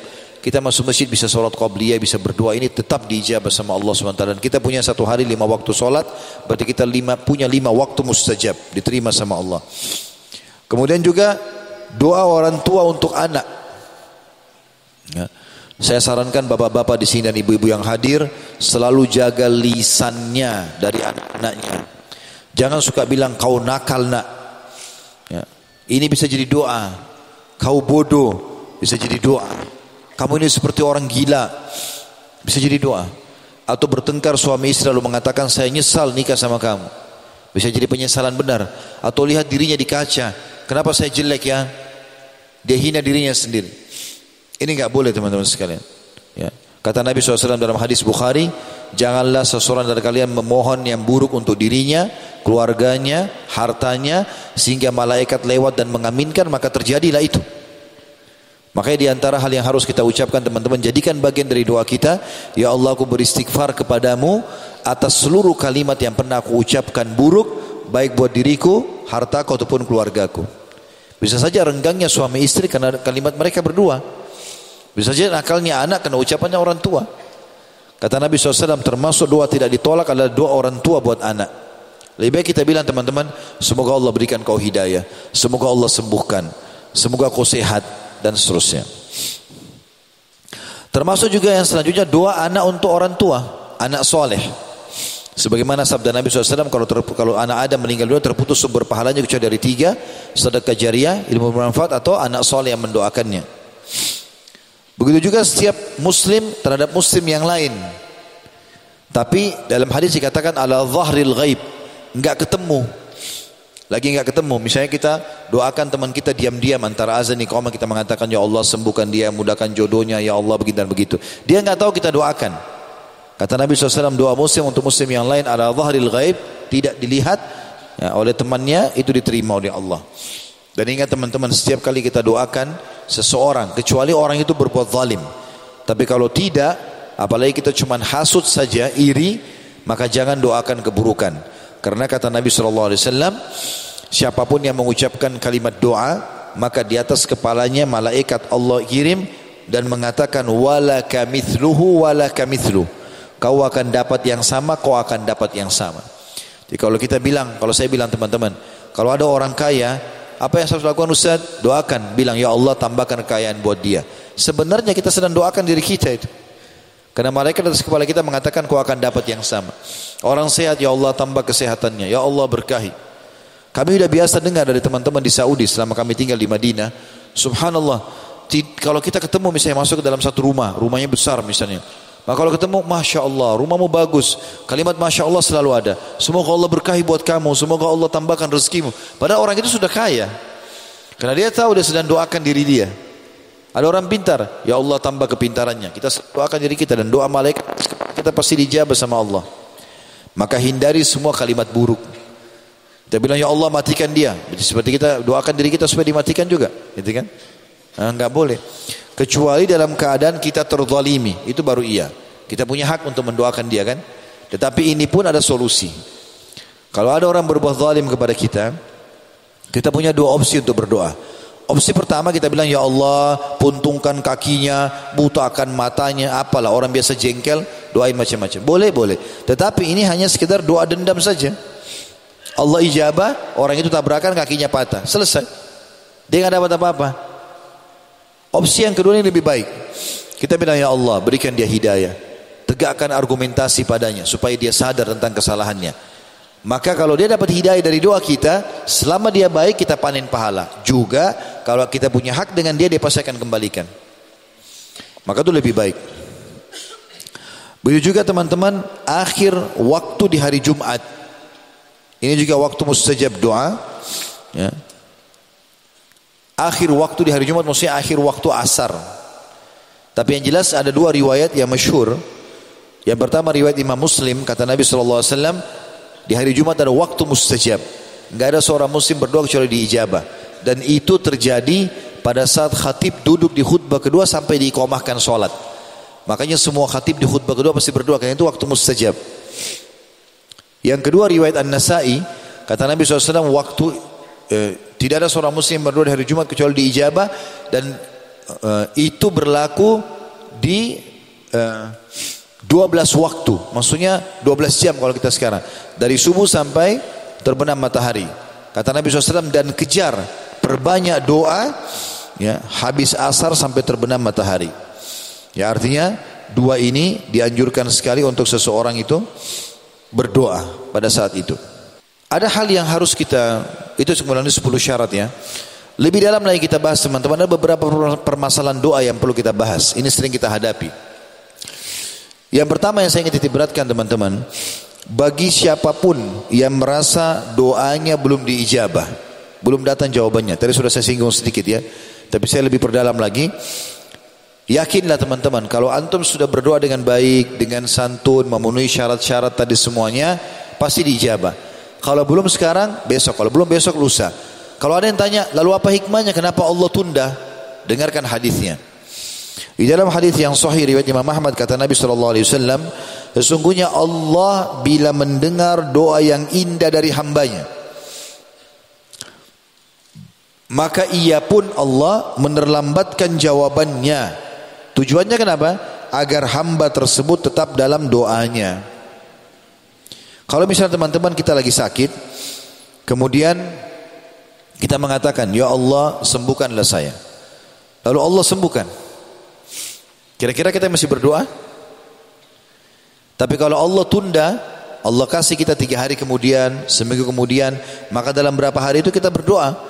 Dan kalau kita tahu kadar pahalanya pada hari kiamat, kita akan bersyukur kepada Allah karena dikasih kesempatan itu. Musa alaihissalam, ya, ini menandakan rahmatnya Allah sangat luas ya. Dan Allah itu tidak akan sia-siakan teman-teman. Apa pun yang antum minta selama baik penuhi syarat dikasih. Pasti, nggak ada keraguan. Dan Allah itu sangat sayang dengan kita. Tidak mau kita, tidak mau kita susah, nggak mau kita segala macam. Di antara kisahnya adalah selain kisah tadi ibu yang menyusui bayinya, ada kisah Nabi Musa alaihissalam. Nabi Musa alaihissalam pernah memiliki satu pengikut kaum tidak belum beriman sama dia, tapi tiap hari kerjanya orang ini sudah tidak beriman caci maki Nabi Musa, caci maki Allah, caci maki Nabi Musa, caci maki Taurat tiap hari bertahun-tahun. Nabi Musa AS sabar. Tidak ditanggapi sama Nabi Musa. Nabi Musa dicaci maki jalan saja. Tapi karena sudah bertahun-tahun satu waktu Nabi Musa nggak sabar juga. Belum minta doa di malam hari di sholat tahajudnya. Ya Allah, ambil alih orang ini. Udah luar biasa nyakitin. Caci maki kau ya Allah, caci maki aku, caci maki kitab Taurat. Maka Jibril datang mengatakan, Hai Musa, Tuhanmu mengatakan, ya Orang itu sudah diberikan kepadamu. Terserah, kau mau berdoa apa Allah kabulkan. Kau mau Allah tenggelamkan, ditenggelamkan dalam bumi. Kau mau Allah matikan langsung, langsung mati. Mau disambar petir terbakar, Allah kasih. Terserah. Maka besok hari Nabi Musa AS lagi jalan di Palestina waktu itu. Lewat orang ini. Caci maki lagi Allah, caci maki lagi. Uh, Musa AS caci maki Taurat. Maka Nabi Musa mengatakan, Ya art hudi. Hai bumi tenggelamkan orang ini. Maka Allah pun tenggelamkan sampai ke kakinya. Mata kakinya dua-dua terbenam. Orang ini bergerak-gerak nggak bisa. Maka dia bilang, Musa maafkan saya. Kata Musa tidak bisa. Sekian tahun kau lakukan perbuatanmu ini. Ya ard khudi, hai bumi tenggelamkan. Ditenggelamkan sama Allah sampai lututnya. Belum semua. Hai Musa maafkan saya, saya tidak akan ulangi. Saya nggak percaya kata Musa. Tiap hari kau caci maki ini semua. Ya ard khudi, hai bumi tenggelamkan, tenggelam sampai ke dadanya. Minta-minta maaf, hai Musa maafkan saya, Musa saya yakin saya saya akan beriman kalau kau maafin saya. Kata Musa saya tidak percaya. Ya ard khudi, hai bumi tenggelamkan, tenggelamlah orang itu, mati. Otomatis orang itu Jibril AS datang dalam hadis Bukhari ini.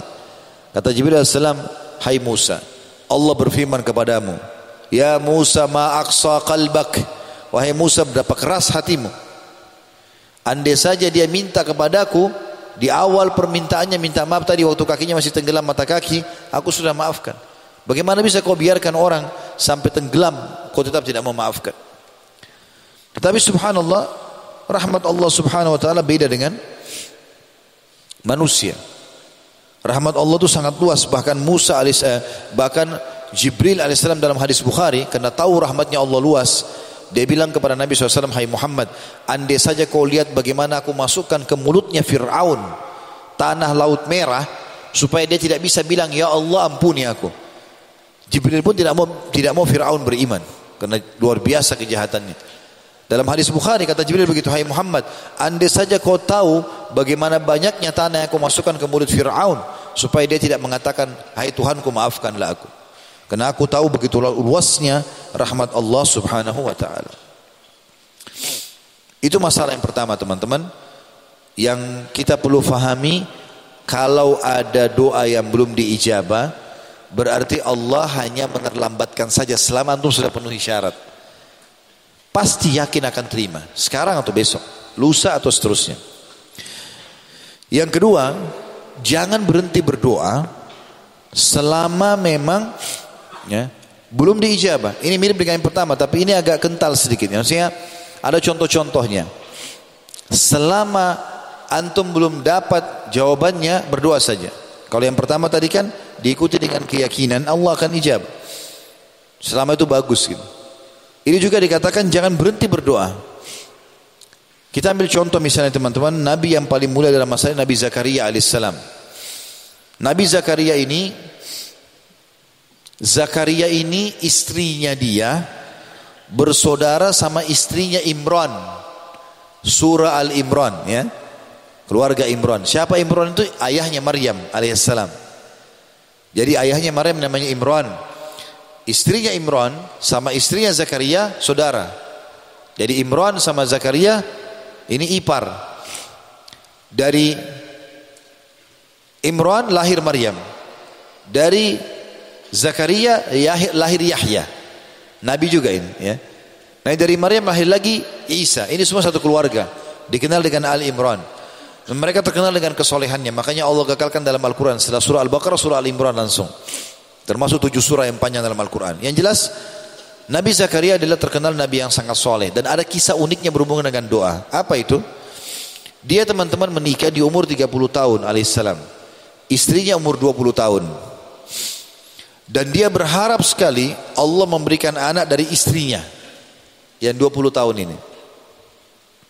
Subhanallah Nabi Zakaria SAW berdoa dari awal nikah minta dikasih anak dari istri ini. Padahal istrinya mandul. Terus saja dia berdoa.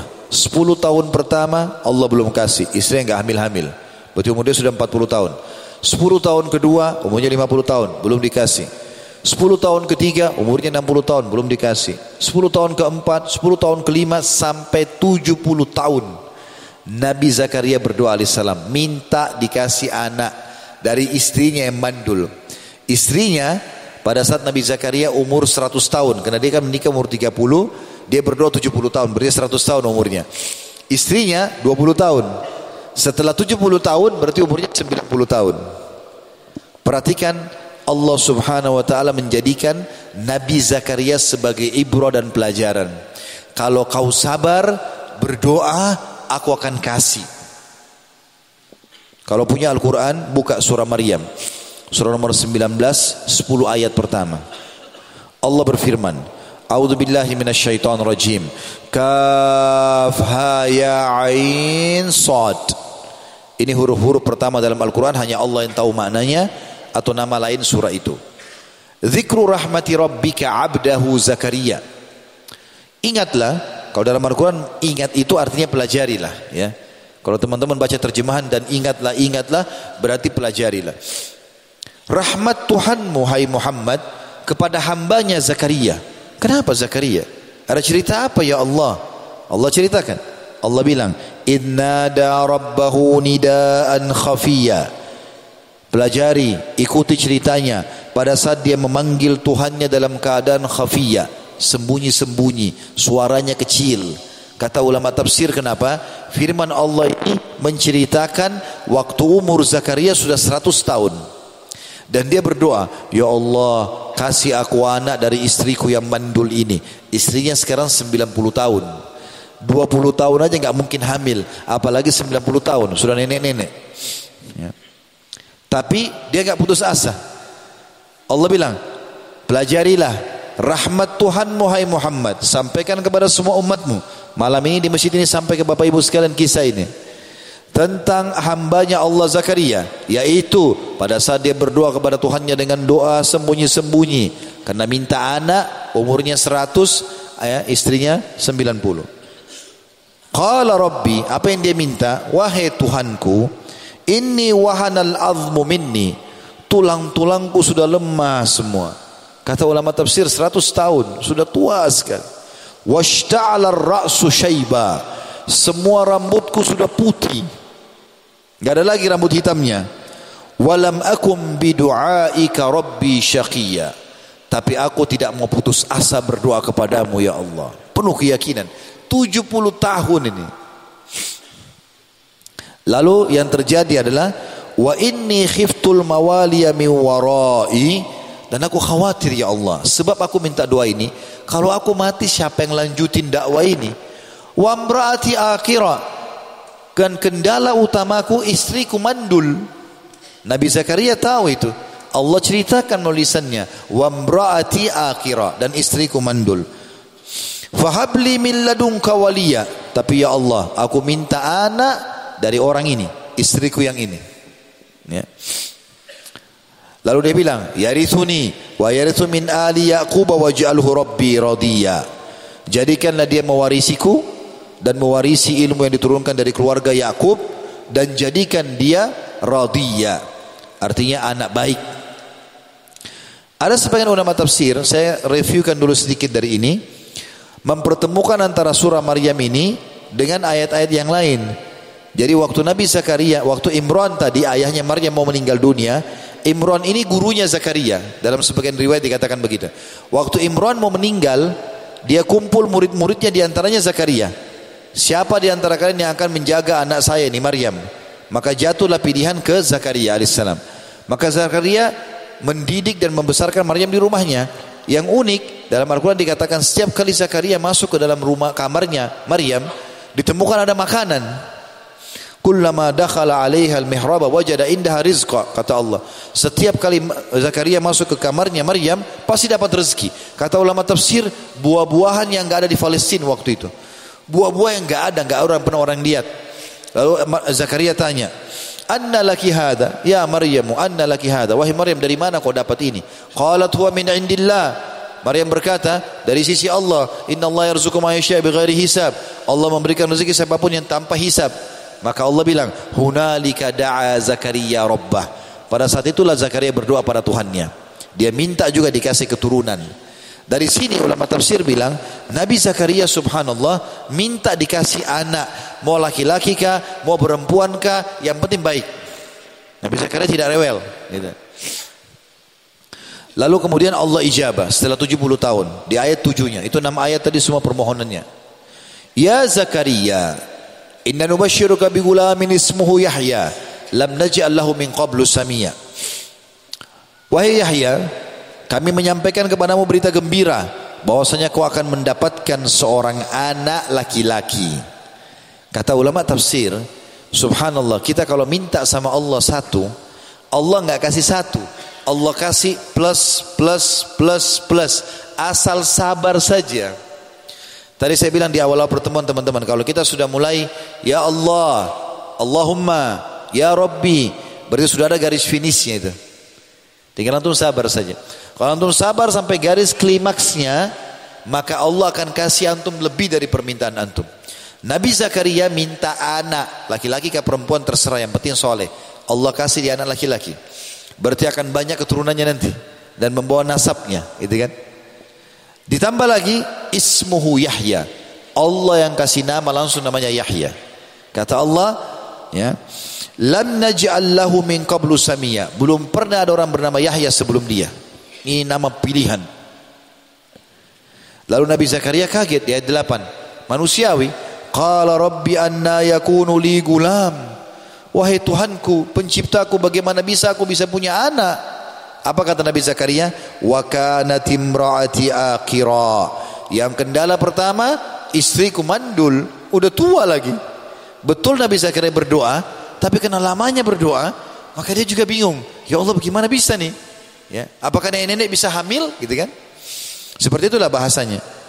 Wa qad balagtu minal kibari itiya. Ditambah lagi, aku sudah sangat tua renta, 100 tahun. Bagaimana bisa punya anak nih? Artinya kalau bahasa kita, spermaku masih bisa enggak ini? Ya. Membentuk manusia enggak? Gitu kan? Masih ada komponen itu Kak dengan umur ini. Tapi bahasanya santun dalam Al-Qur'an, gitu kan? Maka dikatakan, qala kadzalika qala rabbuka huwa alayya hayyin. Jibril berkata kepada Zakaria, "Wahai Zakaria, Tuhanmu telah berfirman, itu mudah bagiku. Wa qad khalaqtuka wa qad khalaqtuka min qablu wa lam taku syai'a." Aku sendiri pernah ciptakan kau hai Zakaria dari sesuatu yang tidak ada jadi ada. Ya. Maka saking gembiranya Nabi Zakaria beliau mengatakan, "Qala rabbi ja'alli ayah." Wahai Tuhanku berikan aku tanda-tanda kalau istriku hamil. Kata ulama tafsir, jangan dia mual ya Allah. Bukan cuma mual muntah-muntah perutnya besar. Hari pertama engkau kasih dia hamil, beritahukan aku tanda-tanda. Jadi tidak usah tunggu lagi perutnya besar. Karena gembirahnya. Allah bilang, Qala ayatuka alla tukalliman nasa thalatha layalin sawiya. Ya. Tanda-tanda kalau istrimu hamil, nanti kamu tidak akan bisa bicara selama tiga malam. Jadi begitu istrinya hamil, Nabi Zakaria hilang suaranya. Tapi ini kisah Nabi Zakaria ya. Kalau suara antum hilang bukan itu. Ya. Ini kisah Nabi Zakaria alaihissalam. Dalam ayat lain Allah ceritakan masih kisah Nabi Zakaria surah Al-Anbiya surah nomor 21 ayat 89 sampai 90 bunyinya begini. A'udzu billahi minasyaitonir rajim wa Zakaria idna ada rabbahu rabbi la tadarni fardan wa anta khairul warithin. Wahai Tuhanku, penciptaku, jangan biarkan aku sendirian. Aku mati nggak ada keturunan nih, ya. Dan kau sebaik-baik pemberi warisan. Fastajabna lah. Maka kami ijabah permintaannya itu. Wa wahabna lahu Yahya. Dan kami berikan dia sosok anak yang kami berikan nama Yahya. Ini yang plusnya ya. Tadi dia minta anak laki-laki perempuan bisa. Allah kasih laki-laki. Dikasih tambah Yahya. Di ayat ini Allah tambah wa aslahna lahu zauja dan kami perbaiki keadaan istrinya. Kata ulama tafsir, mandul jadi subur, tua lemah jadi kuat. Dan pada saat itu istri Nabi Zakaria kata sebagian ulama tafsir, rewel, suka marah, berubah menjadi baik, gitu. Ini di antara doa kata ulama yang sangat bagus kita mendoakan pasangan mengatakan aslih li zauji. Kalau perempuan mengatakan untuk suaminya, ya Allah perbaikilah suamiku. Atau kita laki-laki mengatakan buat istri kita, aslih li zaujati. Ya Allah perbaiki keadaan istriku. Allah mengatakan wa aslahna lahu zauja dan kami perbaiki keadaan istrinya. Sebabnya Allah bilang innahum kanu yusari'una fil khairat. Karena karena mereka kami ijabah begitu karena mereka suka berlumba-lumba dalam melakukan kebaikan. Wa yad'unana ragaban wa rahaba wa kanu lana khashiin dan mereka selalu berdoa kepada kami penuh rasa semangat berdoa dan rasa takut tidak diijabah dan mereka selalu khusyuk kepada kami itu pelengkap daripada bahasan surah Maryam surah Al-Anbiya tadi. Juga dijelaskan plus yang lain. Ingat Nabi Zakaria hanya minta anak saja. Allah kasih anak laki-laki Allah kasih nama Yahya ya. Allah perbaiki istrinya gitu kan. Nanti di ayat lain surah Al-Imran surah nomor 3 ayat 38 sampai 41 di situ Allah kasih lagi plus Nabi Zakaria. Karena dia sabar sampai Allah ijabah. Allah bilang a'udzubillahi minasyaitonir rajim. Hunalika da'a Zakaria rabbah. Pada saat dia Zakaria masuk ke mihrabnya Maryam dia lihat ada makanan ya. Kemudian Maryam bilang itu dari sisi Allah. Maka di situlah Zakaria berdoa kepada Tuhannya. Qala rabbi habli min ladunka dzurriyyatan thayyibah wahai Tuhanku karuniakan aku dari sisimu keturunan yang baik-baik. Keturunan baik laki-laki perempuan tidak masalah. Innaka sami'ud du'a kau sangat mendengar permohonan hamba-hambamu. Fanadathul malaikatu huwa qa'imun yusalli fil mihrab. Maka Zakaria pun dipanggil oleh malaikat Jibril alaihissalam sementara dia solat di mihrabnya tempat ibadahnya. Inna Allah yubashiruka bi bahwasanya Tuhanmu Allah telah memberitakan berita gembira, berita gembira kepadamu tentang anak laki-laki bernama Yahya ini tadi sudah disebutkan. Plus yang lain musaddiqan bi kalimatin min Allah pasti anak ini nanti akan membenarkan firman Allah. Tambah lagi wasayyidan dan akan jadi tuan di kaumnya. Wahasuran jadi pemimpin. Wa nabiyan dan akan menjadi nabi. Minas salihin dari orang-orang saleh. Kata ulama Nabi Zakaria sabar sampai garis finish doanya Allah kasih plus plus plus plus yang dia tidak pernah minta sebelumnya anak laki-laki dikasih nama Yahya ya belum pernah ada nama seperti itu sebelumnya. Di ayat ini dikatakan juga dia akan jadi nabi, jadi orang soleh, jadi pemimpin, jadi orang kaya, jadi luar biasa. Lalu kemudian Nabi Zakaria mengatakan, "Qala rabbi anna yakunu li gulam?" Bagaimana aku bisa punya anak wahai Tuhanku? Wa qad balagani al-kibar wa imraati akhir. Aku sudah sangat tua dan istriku mandul. Qala kadzalika Allah yaf'alu ma yasha. Jibril berkata, "Begitulah Tuhanmu Allah melakukan apa pun yang Dia inginkan." Kalau Rabbi ja'al li ayah, kalau begitu Tuhanku berikan aku tanda-tanda kalau istriku hamil. Qala ayatuka alla tukalliman nasa thalathata ayyamin illa ramza. Ini menafsirkan tadi surah ya Maryam. Yang tadi surah Maryam dijelaskan dia hanya tidak bisa bicara selama tiga hari suaranya hilang. Di ayat ini dikatakan tanda-tanda kalau istrimu hamil kau tidak bisa bicara dengan orang selama tiga hari kecuali isyarat. Ya.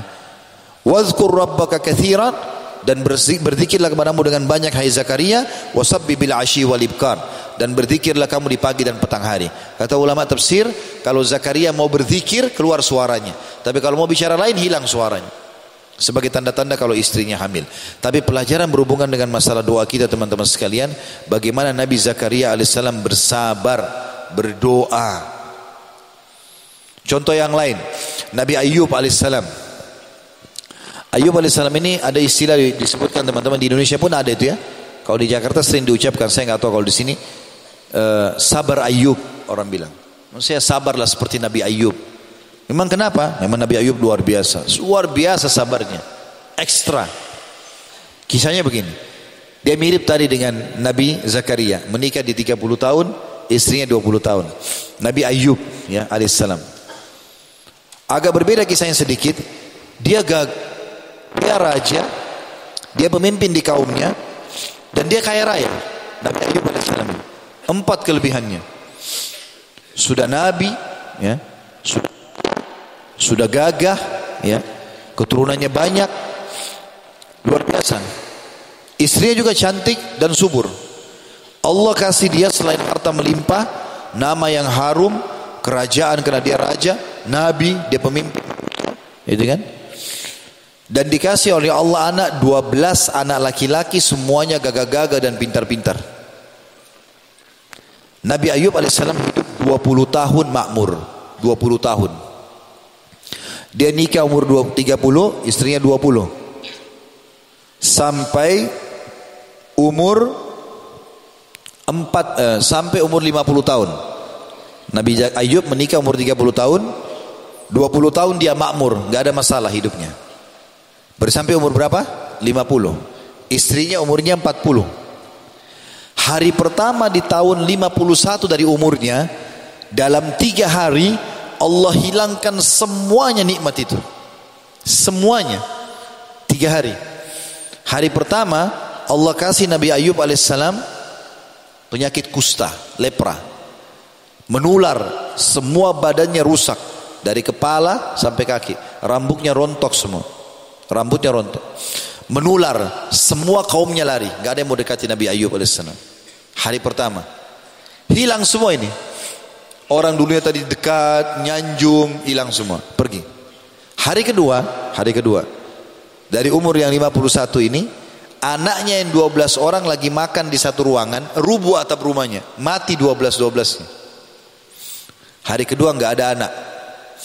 Anaknya mati semua. Ada orang mungkin anaknya mati satu, dua, ini 12, 12 mati semua. Nggak ada penyakit, nggak ada apa ini. Hari ketiga, Allah datangkan hama dan badai, uniknya hanya kena perkebunan dan dan peternakannya Nabi Ayub. Kaumnya nggak ada yang kena. Semua ratusan unta sapi mati. Semua pohonnya habis kena hama. Dalam tiga hari habis semuanya. Tapi subhanallah Nabi Ayub alaihissalam menyambut dengan senyum. Tidak pernah keluh kesah. Lisannya diam, tetap berzikir. Ikhtiar ya. Dia coba berobat tapi nggak pernah keluh kesah. Istrinya juga tinggal sama dia. Cuma berdua. nggak ada orang temani sama sekali. Berjalan kurang lebih 18 tahun. 18 tahun tidak ada keluh kesah. Istrinya bilang, wahai Nabiullah. Baik istrinya, soleha. Sabar sama dia, Masya Allah. Istrinya mengatakan, wahai Nabinya Allah. Mintalah kepada Allah. Berdoa. Minta sama Allah supaya diangkat penyakit anda. Gak usah minta anak, gak usah minta harta. Saya siap sabar supaya anda sembuh bisa berdakwah lagi. Itu saja. Apa kata Nabi Ayub alaihissalam? Wahai istriku, berapa tahun dulu kita dalam nikmat? Kata istrinya 20 tahun. Sekarang berapa tahun? Kata istrinya 18 tahun. Kata Nabi Ayub alaihissalam, saya masih malu minta sama Allah. Saya masih malu minta sama Allah. Maka istrinya diam. Setelah 20 tahun teman-teman sekalian. Jadi sudah 20 tahun diuji sama Allah. 20 tahun dia lalui juga masa cobaan. Ini yang tadi saya bilang ya. Kalau sampai antum sabar di garis finishnya. Bersabar sampai Allah ijabah. Antum dikasih cobaan. Sabar sampai nanti Allah keluarkan. Karena Allah mengatakan. Fa'inna ma'al usri yusra. Di setiap kesulitan, kesulitan ada kemudahan. Maka nanti Allah kasih antum plus, plus, plus, plus banyak yang membuat antum lupa penderitaan antum selama ini. Dilupain semuanya. Nabi Zakaria tadi waktu dikasih Yahya lupa semua penderitaan 70 tahun berdoa. Allah kasih anak, nabi, soleh, pemimpin, luar biasa. Nabi Ayub begitu. Perhatikan teman-teman dalam surah Al-Anbiya, surah Nabi-Nabi, ini manusia yang wajar kita jadikan contoh. Suri toladannya manusia. Surah nomor 21 ayat 83 sampai 84. Setelah 20 tahun Nabi Ayub berdoa begini. A'udzu billahi minasyaitonir rajim. Wa ayyuba idnada rabbahu anni massani dur wa anta arhamur rahimin. Pelajari kisahnya Ayub kata Allah. Sewaktu dia berdoa dengan Tuhannya, dia mengatakan wahai Tuhanku, aku telah ditimpa sakit ini, tapi kau zat yang maha penyayang. Apa makna kalimatnya kata ulama tafsir? Nabi Ayub nggak bilang, "Ya Allah, kau sudah kasih saya nikmat 20 tahun. Sekarang kau kasih cobaan 20 tahun. Sudah imbas nih ya Allah." Nggak bilang begitu. Dia bilang, "Ya Allah, aku telah ditimpa penyakit dan kau zat yang maha penyayang. Artinya kalau kau mau angkat silahkan, kau masih mau coba saya nggak masalah. Apa yang terjadi? Kata Allah, fastajabna lah. Maka kami ijabah permintaannya. Perhatikan, tadi Allah hilangkan nikmatnya Nabi Ayub berapa hari? Tiga hari. Masih hidup gak ini? Hah? Masih hidup ya? Jangan sampai antum mengkhayal orang.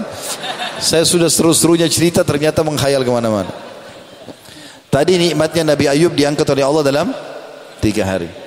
Sekarang setelah 20 tahun Nabi Ayub sabar, Allah kembalikan semua dalam tiga hari juga dan double-double. Perhatikan.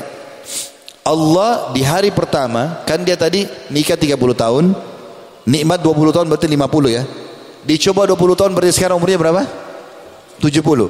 Hari pertama tahun 71 Allah munculkan di bawah ranjangnya Nabi Ayub mata air.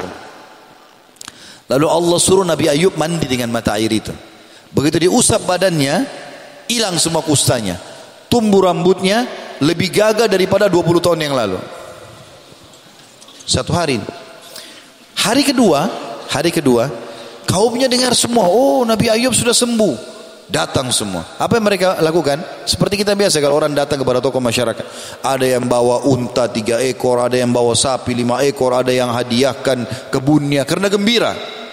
Gara-gara hibahnya orang ini, pemberian orang, maka hartanya Nabi Ayub di hari kedua itu lebih banyak daripada 20 tahun yang lalu. Pemberian orang, nggak kerja apa-apa. Sampai sebagian ulama mengatakan Allah membiarkan kaumnya kerja 20 tahun kumpulin harta untuk Nabi Ayub. Nabi Ayub dicobaan, mereka kasih semua itu. Kekayaan double.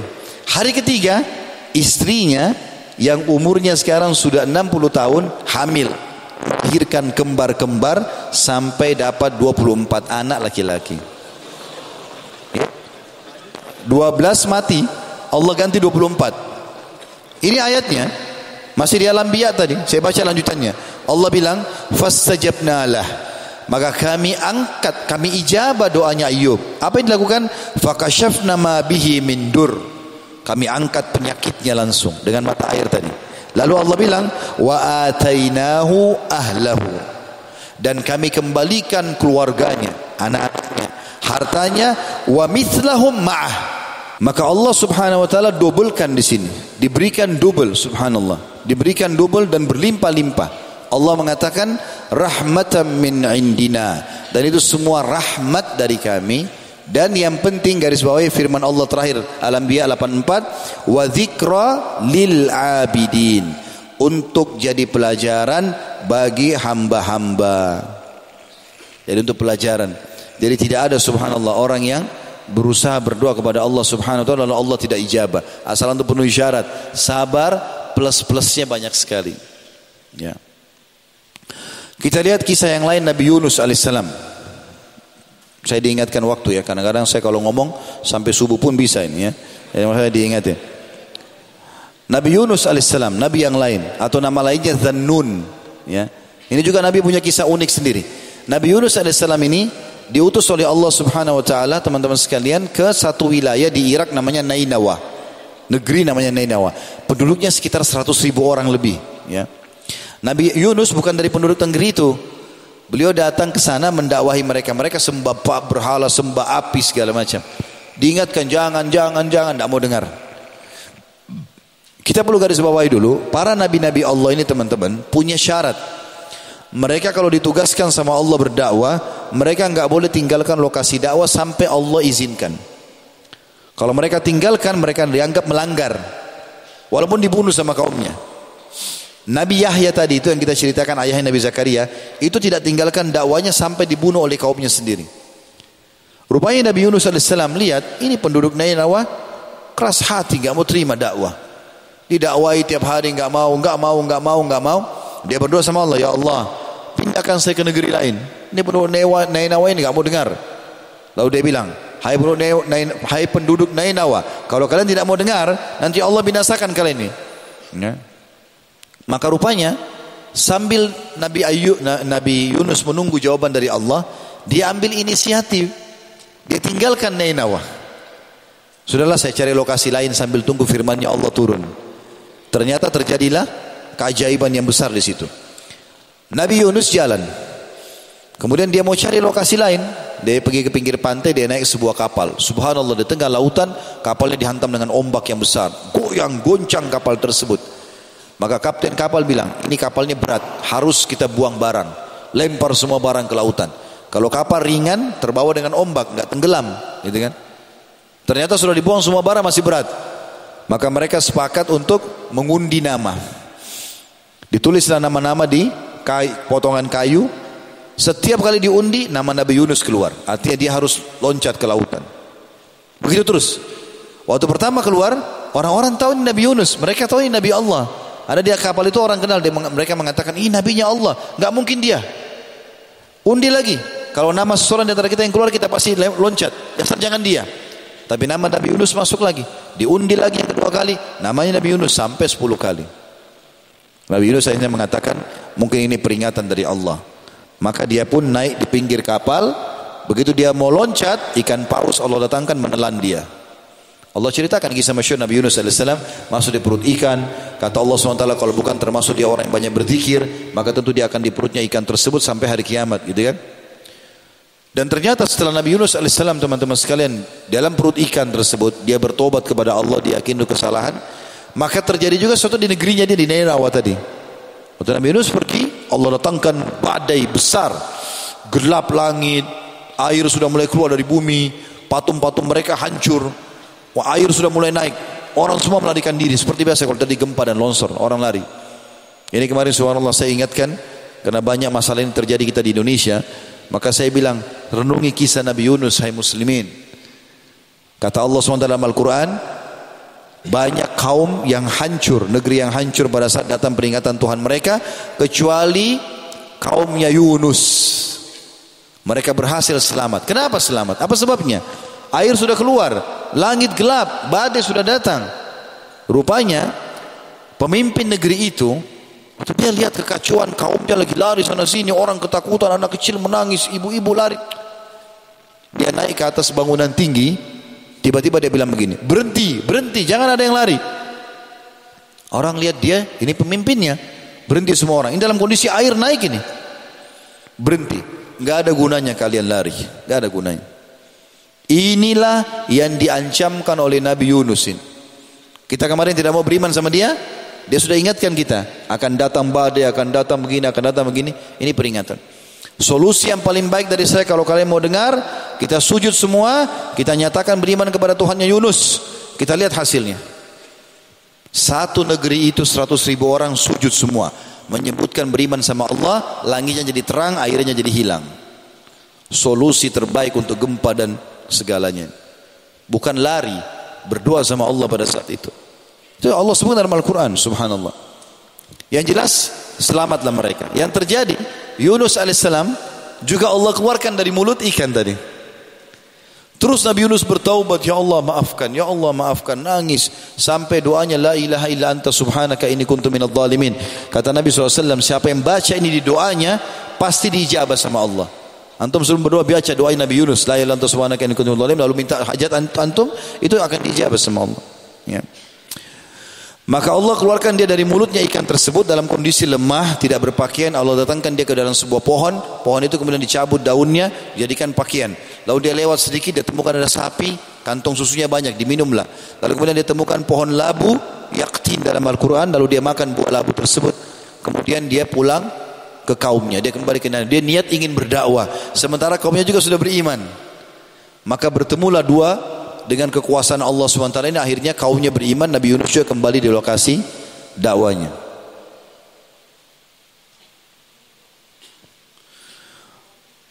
dalam surah Al-Anbiya surah nomor 21 ayat 87 sampai 88 Allah cerita tentang Nabi Yunus alaihissalam A'udzu billahi minasyaitonir rajim wa dhannuni idh dhahaba mughadiban fa dhanna an lan naqdira alayhi fanada fi dhulumat alla ilaha illa anta subhanaka inni kuntu minadh dhalimin fastajabna lahu fastajabna lahu wa najjaynahu minal gham wa kadzalika nunjil mu'minin dan Zannun atau Yunus pada saat dia pergi meninggalkan kaumnya dalam keadaan marah dan dia mengira kami tidak akan menghukumnya atau mempersempit untuknya maka dia pun memanggil kami dalam kegelapan. Tuhan yang berhak disembah kecuali engkau ya Allah. Maha suci engkau aku termasuk orang-orang zalim. Dia akui kesalahannya dia berdoa sama Allah dia mengaku kesalahannya. Maka Allah bilang fastajabna lahu. Kami ijabah dia dan kami keluarkan dia dari permasalahan wa kadzalika nunjil mu'minin dan begitulah kami selamatkan orang-orang beriman. Dan masih ada surah Yunus ya, yang lain diceritakan dalam surah Saffat surah 37 ayat 139 atau 1 sampai 148 tapi ini kena cukup panjang maka saya cukupkan dengan tadi itu tentunya teman-teman karena masih ada beberapa poin yang saya ingin titik beratkan kata Ibnu Qayyim rahimahullah Ya, setelah kita sebutkan kisah-kisah Nabi tadi, perumpamaan hamba yang belum Allah Maha Tinggi beri jawaban doanya, seperti seorang anak yang ibunya sedang marah padanya. Lalu ibunya mengusirnya keluar rumah dan menutupkan pintu rumah untuknya.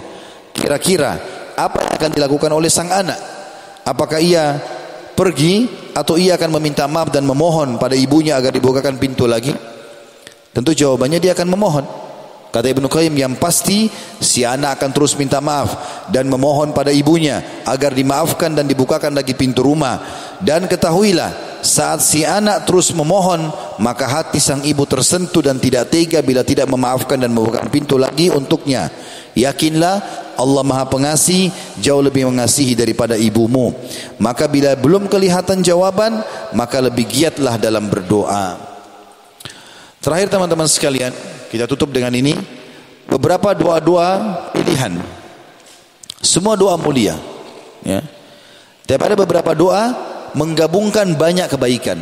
Seperti misalnya, ada pernah sahabat berkata pada Nabi SAW, Ya Rasulullah, beritahukan kepadaku doa yang bisa menggabungkan semua kebaikan dan melindungi aku dari semua keburukan. Doa satu, tapi bisa gabung semuanya. Kata Nabi SAW, bacalah. Allahumma inni as'aluka. Ya Allah, aku memohon kepadamu.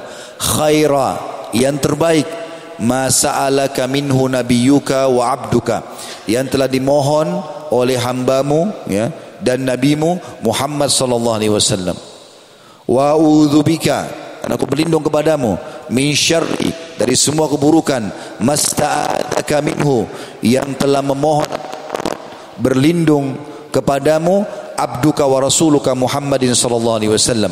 Hambamu dan utusanmu Muhammad sallallahu alaihi wasallam. Wa antal musta'an dan pula tempat kami meminta pertolongan. Wa alaikal balak dari sisi mula penerimaan. Ini doa menggabungkan seluruh kebaikan. Karena kita minta yang terbaik yang Nabi minta dan kita berlindung dari keburukan yang Nabi berlindung darinya.